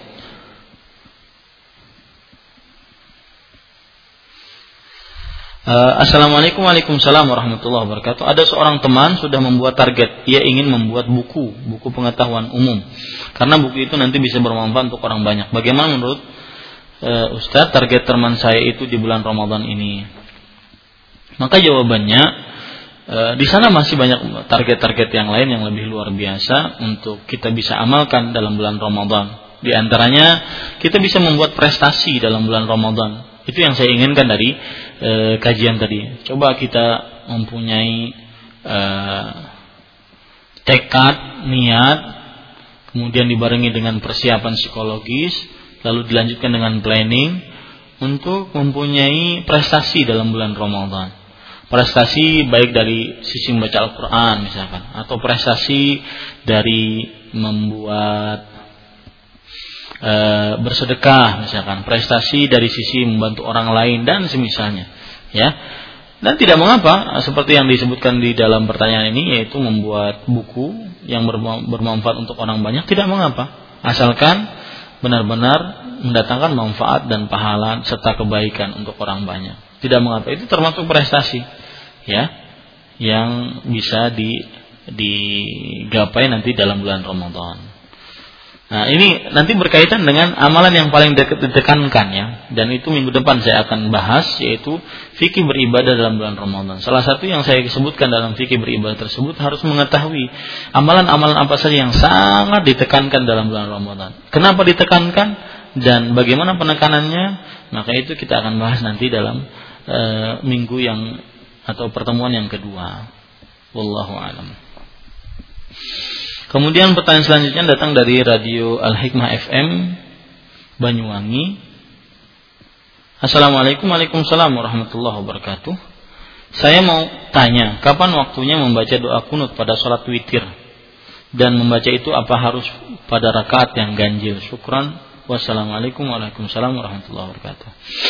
Bapak Ibu, saudara-saudari yang dimuliakan oleh Allah Subhanahu wa taala, e, untuk kunut maka jawabannya adalah memang kita dianjurkan untuk membaca kunut ketika sholat witir. Tetapi tidak ditekankan dalam artian apabila seorang sholat witir tidak memakai kunut maka diperbolehkan ya apabila seseorang tidak berkunut pada sholat witir maka diperbolehkan nah e, bapak ibu saudara saudari yang dimuliakan oleh Allah subhanahu wa taala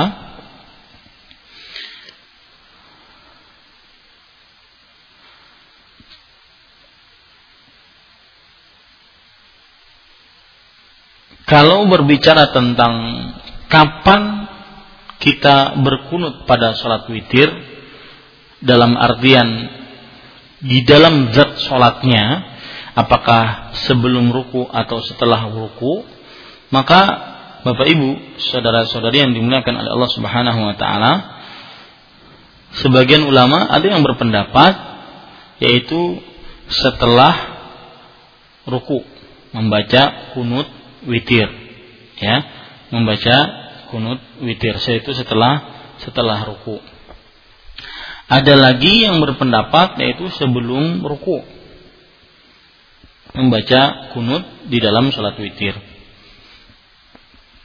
Ada lagi yang berpendapat sebelum sebelum ruku. Dan dua-duanya diperbolehkan. Ya. Dua-duanya diperbolehkan.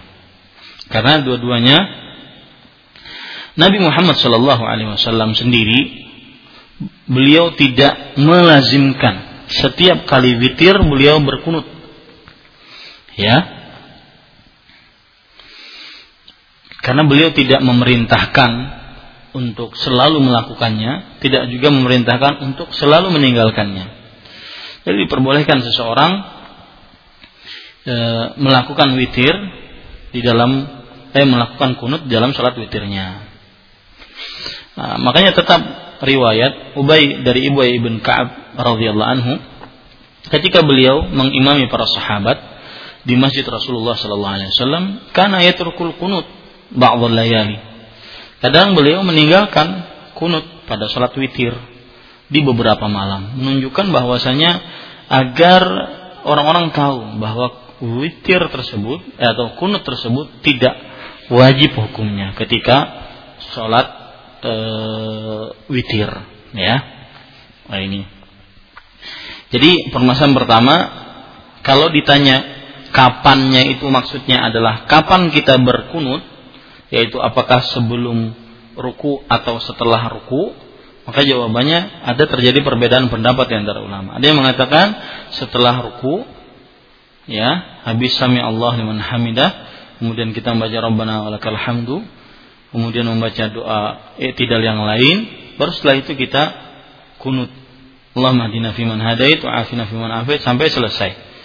Ada yang mengatakan sebelum ruku.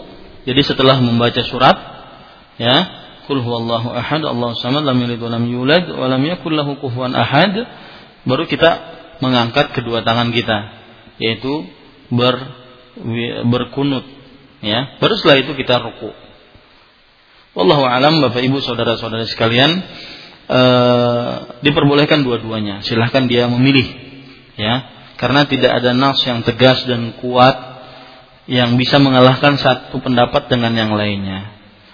Itu kalau kita berbicara kapan witir eh kunut dalam witir.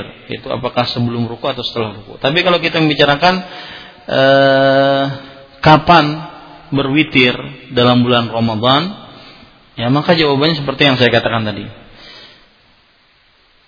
Nabi Muhammad Shallallahu Alaihi Wasallam tidak selalu berwitir atau saya ulangi tidak selalu berkunut dalam berwitir meskipun dalam bulan Ramadan. Begitu pula sebaliknya beliau tidak juga e, meninggalkan sama sekali kunut dalam witir meskipun itu dalam bulan Ramadan. Jadi e, ada pendapat yang mengatakan kunut dalam e, salat witir dalam bulan Ramadan itu dikerjakan e, di pertengahan dari bulan Ramadan. Jadi mulai tanggal e, malam ke-16 nah itu mulai berkunut. Ada lagi yang berpendapat seperti mazhab Hambali berpendapat bahwa berkunut dalam witir dari malam pertama. Maka Allah alam tidak seperti yang saya e, ketahui tidak ada nas yang tegas juga dari Rasulullah SAW tentang penentuan witi kunut dalam witir tersebut apakah dari awal bulan Ramadan atau pertengahan bulan Ramadan. Dan dua-duanya e, merupakan pendapat dari mazhab yang terkemuka. Wallahu alam. Kemudian pendapat e, pertanyaan selanjutnya datang dari radio suara Quran Solo dan jazakumullah khairan juga kepada Eh, radio Suara Quran Solo tadi saya belum sebutkan. Taib. Pertanyaan selanjutnya yaitu datang dari e, Ibu Mia Balfas salah satu pengikut kajian Ummahat di Australia. Assalamualaikum warahmatullahi wabarakatuh. Saya punya banyak anak laki-laki umur 8 tahun. Nah, saya punya anak laki-laki maksudnya umur 8 tahun. Kalau di bulan Ramadan, apakah harus puasa satu bulan penuh? Bagaimana kalau anak ini tidak mampu dengan kondisi badannya? Mohon penjelasannya. Barakallahu fiikum. Wa fiikum barakallah. Bapak Ibu, saudara-saudari yang dimuliakan oleh Allah, ada hadis Nabi Muhammad SAW yang diriwayatkan oleh Imam Bukhari bahwa para sahabat bercerita kunna nusawwimu sibyanana. Kami membiasakan puasa kepada anak-anak kecil kami. Ya, membiasakan puasa kepada anak-anak kecil kami. Apabila mereka lapar, maka kami berikan al-ehn, yaitu mainan kepada mereka sampai masuk waktu maghrib. Ya, sampai masuk waktu maghrib.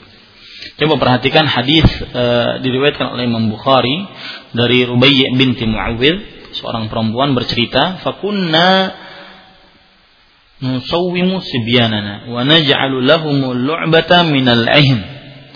فإذا بكى أحدهم على الطعام أعطيناه ذاك حتى يكون عند الإفطار maka kami membiasakan puasa kepada anak-anak kami. Sebian itu anak-anak yang e, kecil yang sudah bisa diajak berpuasa.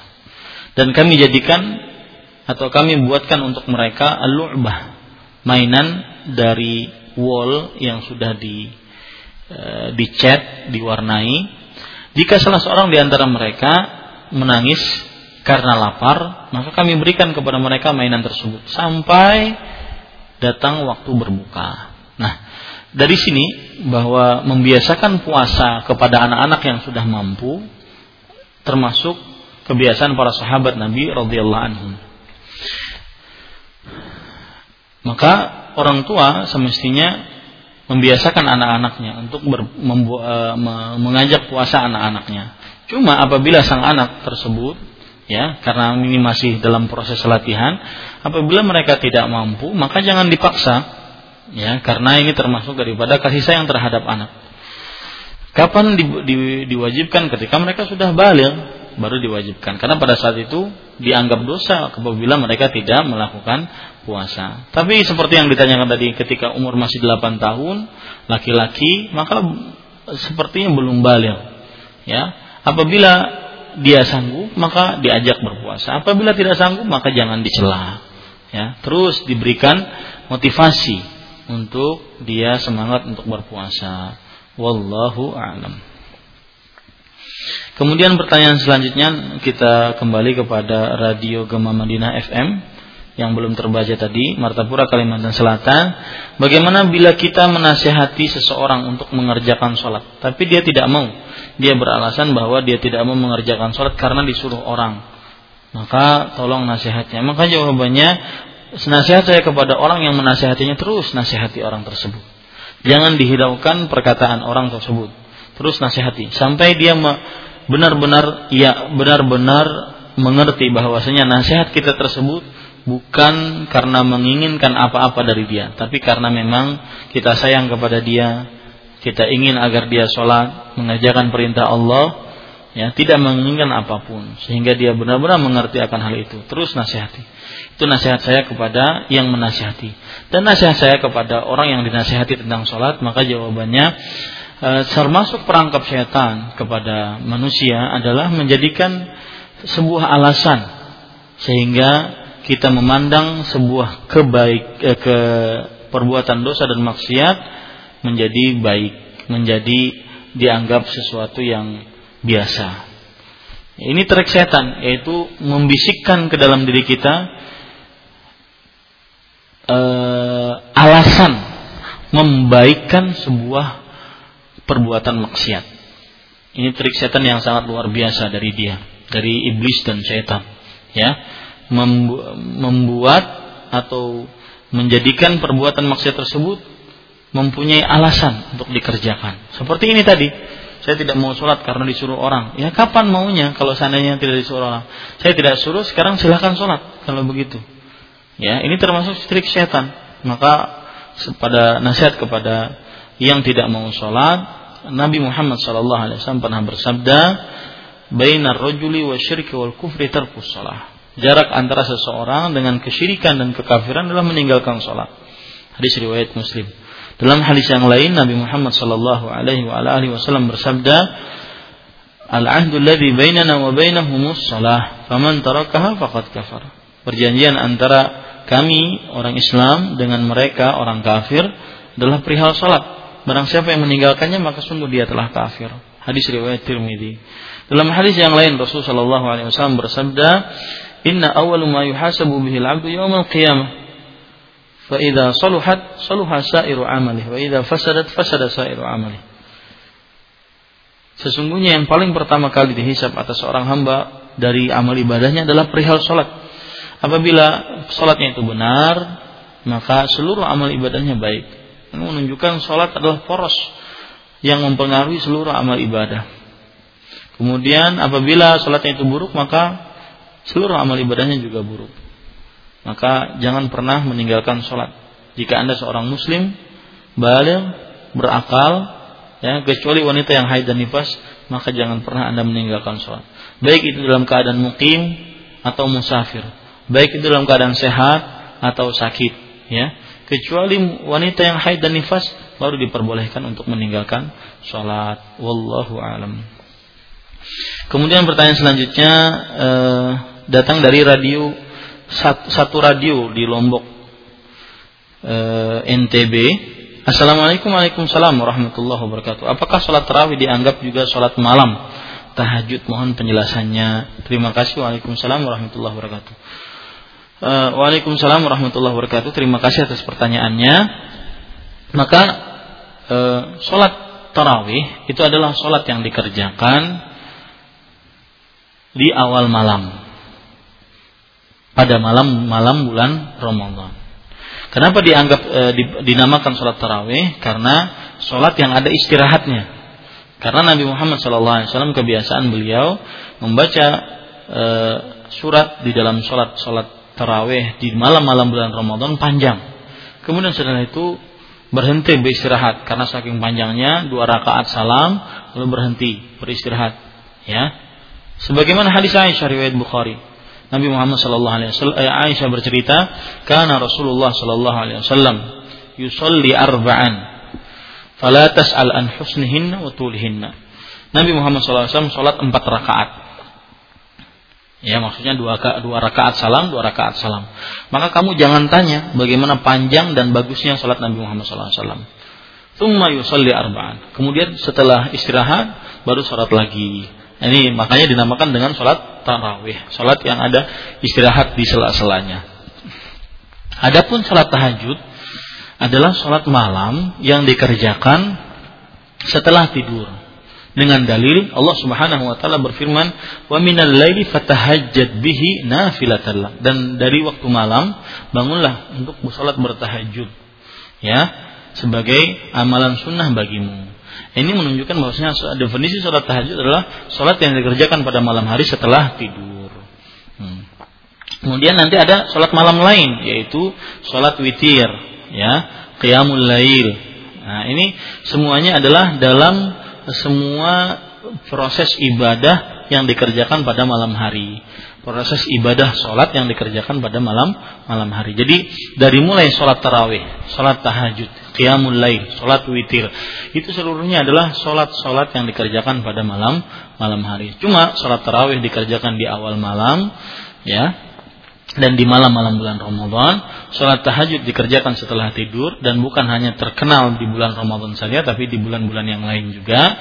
Dan qiyamul lail adalah sholat yang dikerjakan secara umum pada malam hari dan sholat witir dikerjakan juga pada malam hari dan dianjurkan di awal mal, eh, apa di sholat yang paling terakhir. Sebagaimana sabda Rasul Shallallahu Alaihi Wasallam ij'alu min uh, ij'alu akhir salatikum witra. Artinya jadikan akhir salat kalian adalah salat yang salat witir, salat yang ganjil. Dan itu termasuk rangkaian proses dari salat malam. Ya, dan salat witir tidak terkenal hanya di bulan Ramadan saja, tapi juga bulan-bulan yang lain di sepanjang tahun. Wallahu alam. Kemudian pertanyaan selanjutnya datang dari radio Al Hikmah FM Banyuwangi, Jawa Timur. Assalamualaikum Waalaikumsalam warahmatullahi wabarakatuh.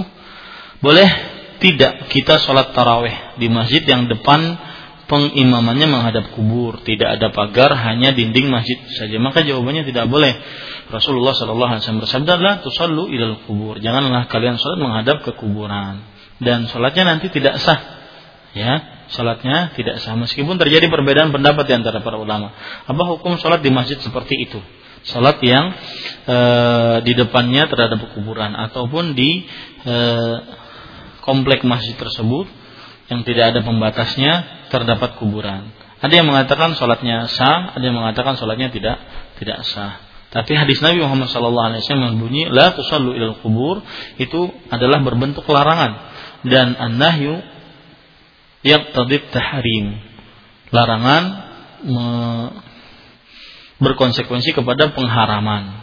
Ya, kecuali ada dalil yang menunjukkan turun dari haram menjadi makruh dan uh, wan wa tahrim yaqtadil fasad dan pengharaman berkonsekuensi kepada kerusakan atau atau ketidaksahan sholat tersebut. Wallahu a'lam. Uh, ada pertanyaan dari Radio Idaatul Khair FM Jawa Timur, Ponorogo Jawa Timur. Assalamualaikum Waalaikumsalam warahmatullahi wabarakatuh.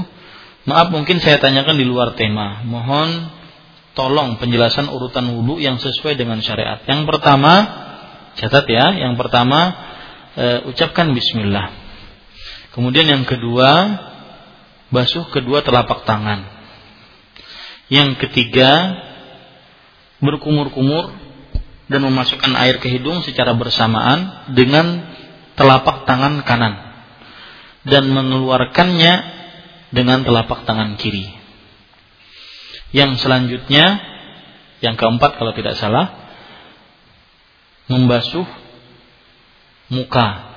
Batasannya dari kanan ke kiri lebar, yaitu telinga kanan ke telinga kiri dari bawah ke atas panjang yaitu dari awal-awal mula rambut di kepala sampai ke dagu.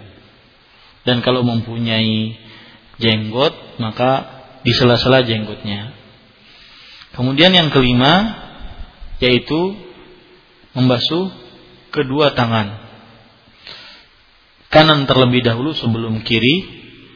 Yang dibasuh adalah jari jemari tangan terlebih dahulu, kemudian baru membasuh sampai ke siku. Kanan dan kiri. Ke siku maksudnya adalah siku masuk bagian dari basuhan. Kemudian yang selanjutnya yang keenam kalau tidak salah membasahi kedua telapak tangan dan mengusapkannya ke seluruh bagian kepala. Kemudian memasukkan jari telunjuk kanan dan kiri jari telunjuk kanan dimasukkan ke telinga kanan dan jari telunjuk kiri dimasukkan ke telinga kiri. Kemudian jempol kanan dan kiri kita tangan maksudnya diletakkan di bagian luar telinga. Kemudian diusap dari bawah ke atas. Ya dari bawah ke atas. Kemudian setelah itu membasuh kedua telapak tangan kanan terlebih dahulu sebelum kiri. Caranya yaitu membasuh yang dibasuh pertama kali adalah ujung jari jemari kaki sampai kepada dua mata kaki kita. Kanan terlebih dahulu tiga kali, kiri kemudian tiga kali. Dan jari jemari kaki tersebut setiap kali dibasuh di sela-sela sehingga air masuk ke dalam jari atau sela-sela jari jemari kaki tersebut. Ingat sekali lagi baik tangan ataupun kaki dikerjakan tiga kali tiga kali ya yang dimulai dengan kanan dulu dan juga setelah itu baru kiri. Begitu juga muka membasuh muka itu dikerjakan tiga kali e, membasuh mukanya. Wallahu alam. Kemudian setelah itu berdoa dengan mengucapkan asyhadu alla ilaha illallah wa asyhadu anna muhammadan abduhu wa rasuluh. Boleh ditambah dengan doa Allahumma ja'alni minat tawabin wa ja'alni minal mutatahhirin. Wallahu a'lam. Kemudian pertanyaan selanjutnya datang dari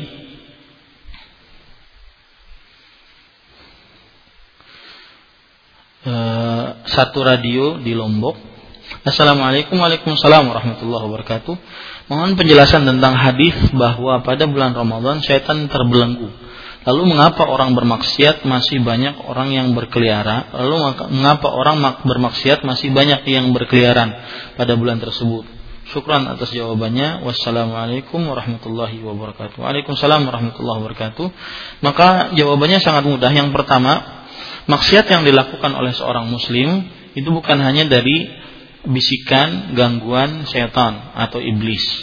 Tetapi juga ada faktor yang lain yang di yang menyebabkan seorang muslim akhirnya terperosok dalam dosa dan maksiat, yaitu an-nafsul ammaratu bisu. Adanya nafsu yang memerintahkan kepada keburukan di dalam diri kita. Ya, nafsu yang memerintahkan kepada keburukan dalam diri kita. Itu yang pertama. Yang kedua, ya, e, kenapa kalau setan-setan diikat dengan rantai lalu banyak orang maksiat, maka jawabannya adalah yang diikat dengan rantai tersebut ini jawaban kedua ya adalah maradatus syayat maradatus syayatin wal jins pemimpin-pemimpin setan dan jin. Adapun e, anak buah anak buahnya masih berkeliaran, ya makanya tidak heran kita mendapati dalam bulan Ramadan masih banyak orang yang maksiat, di antaranya tidak berpuasa, ya sengaja berbuka di siang hari bulan Ramadan tanpa ada uzur syar'i yang dibenarkan. Kemudian banyak e, meskipun puasa masih banyak yang berlaku curang, masih banyak yang berdusta, Nah ini Bapak Ibu saudara-saudari yang dimuliakan oleh Allah Subhanahu wa taala. Jadi dua sebab itu ya meskipun syaitan diikat dengan rantai tapi masih banyak maksiat itu maksudnya. Wallahu alam.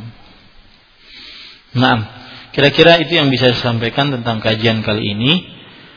E, apa yang baik itu hanya dari Allah Subhanahu wa taala, apa yang buruk itu dari kami pribadi manusia biasa dan sekali lagi saya ucapkan jazakumullahu khairan kepada seluruh para pendengar sekalian dan juga seluruh penyelenggara radio, radio dan kajian-kajian online yang telah merelai kajian ini.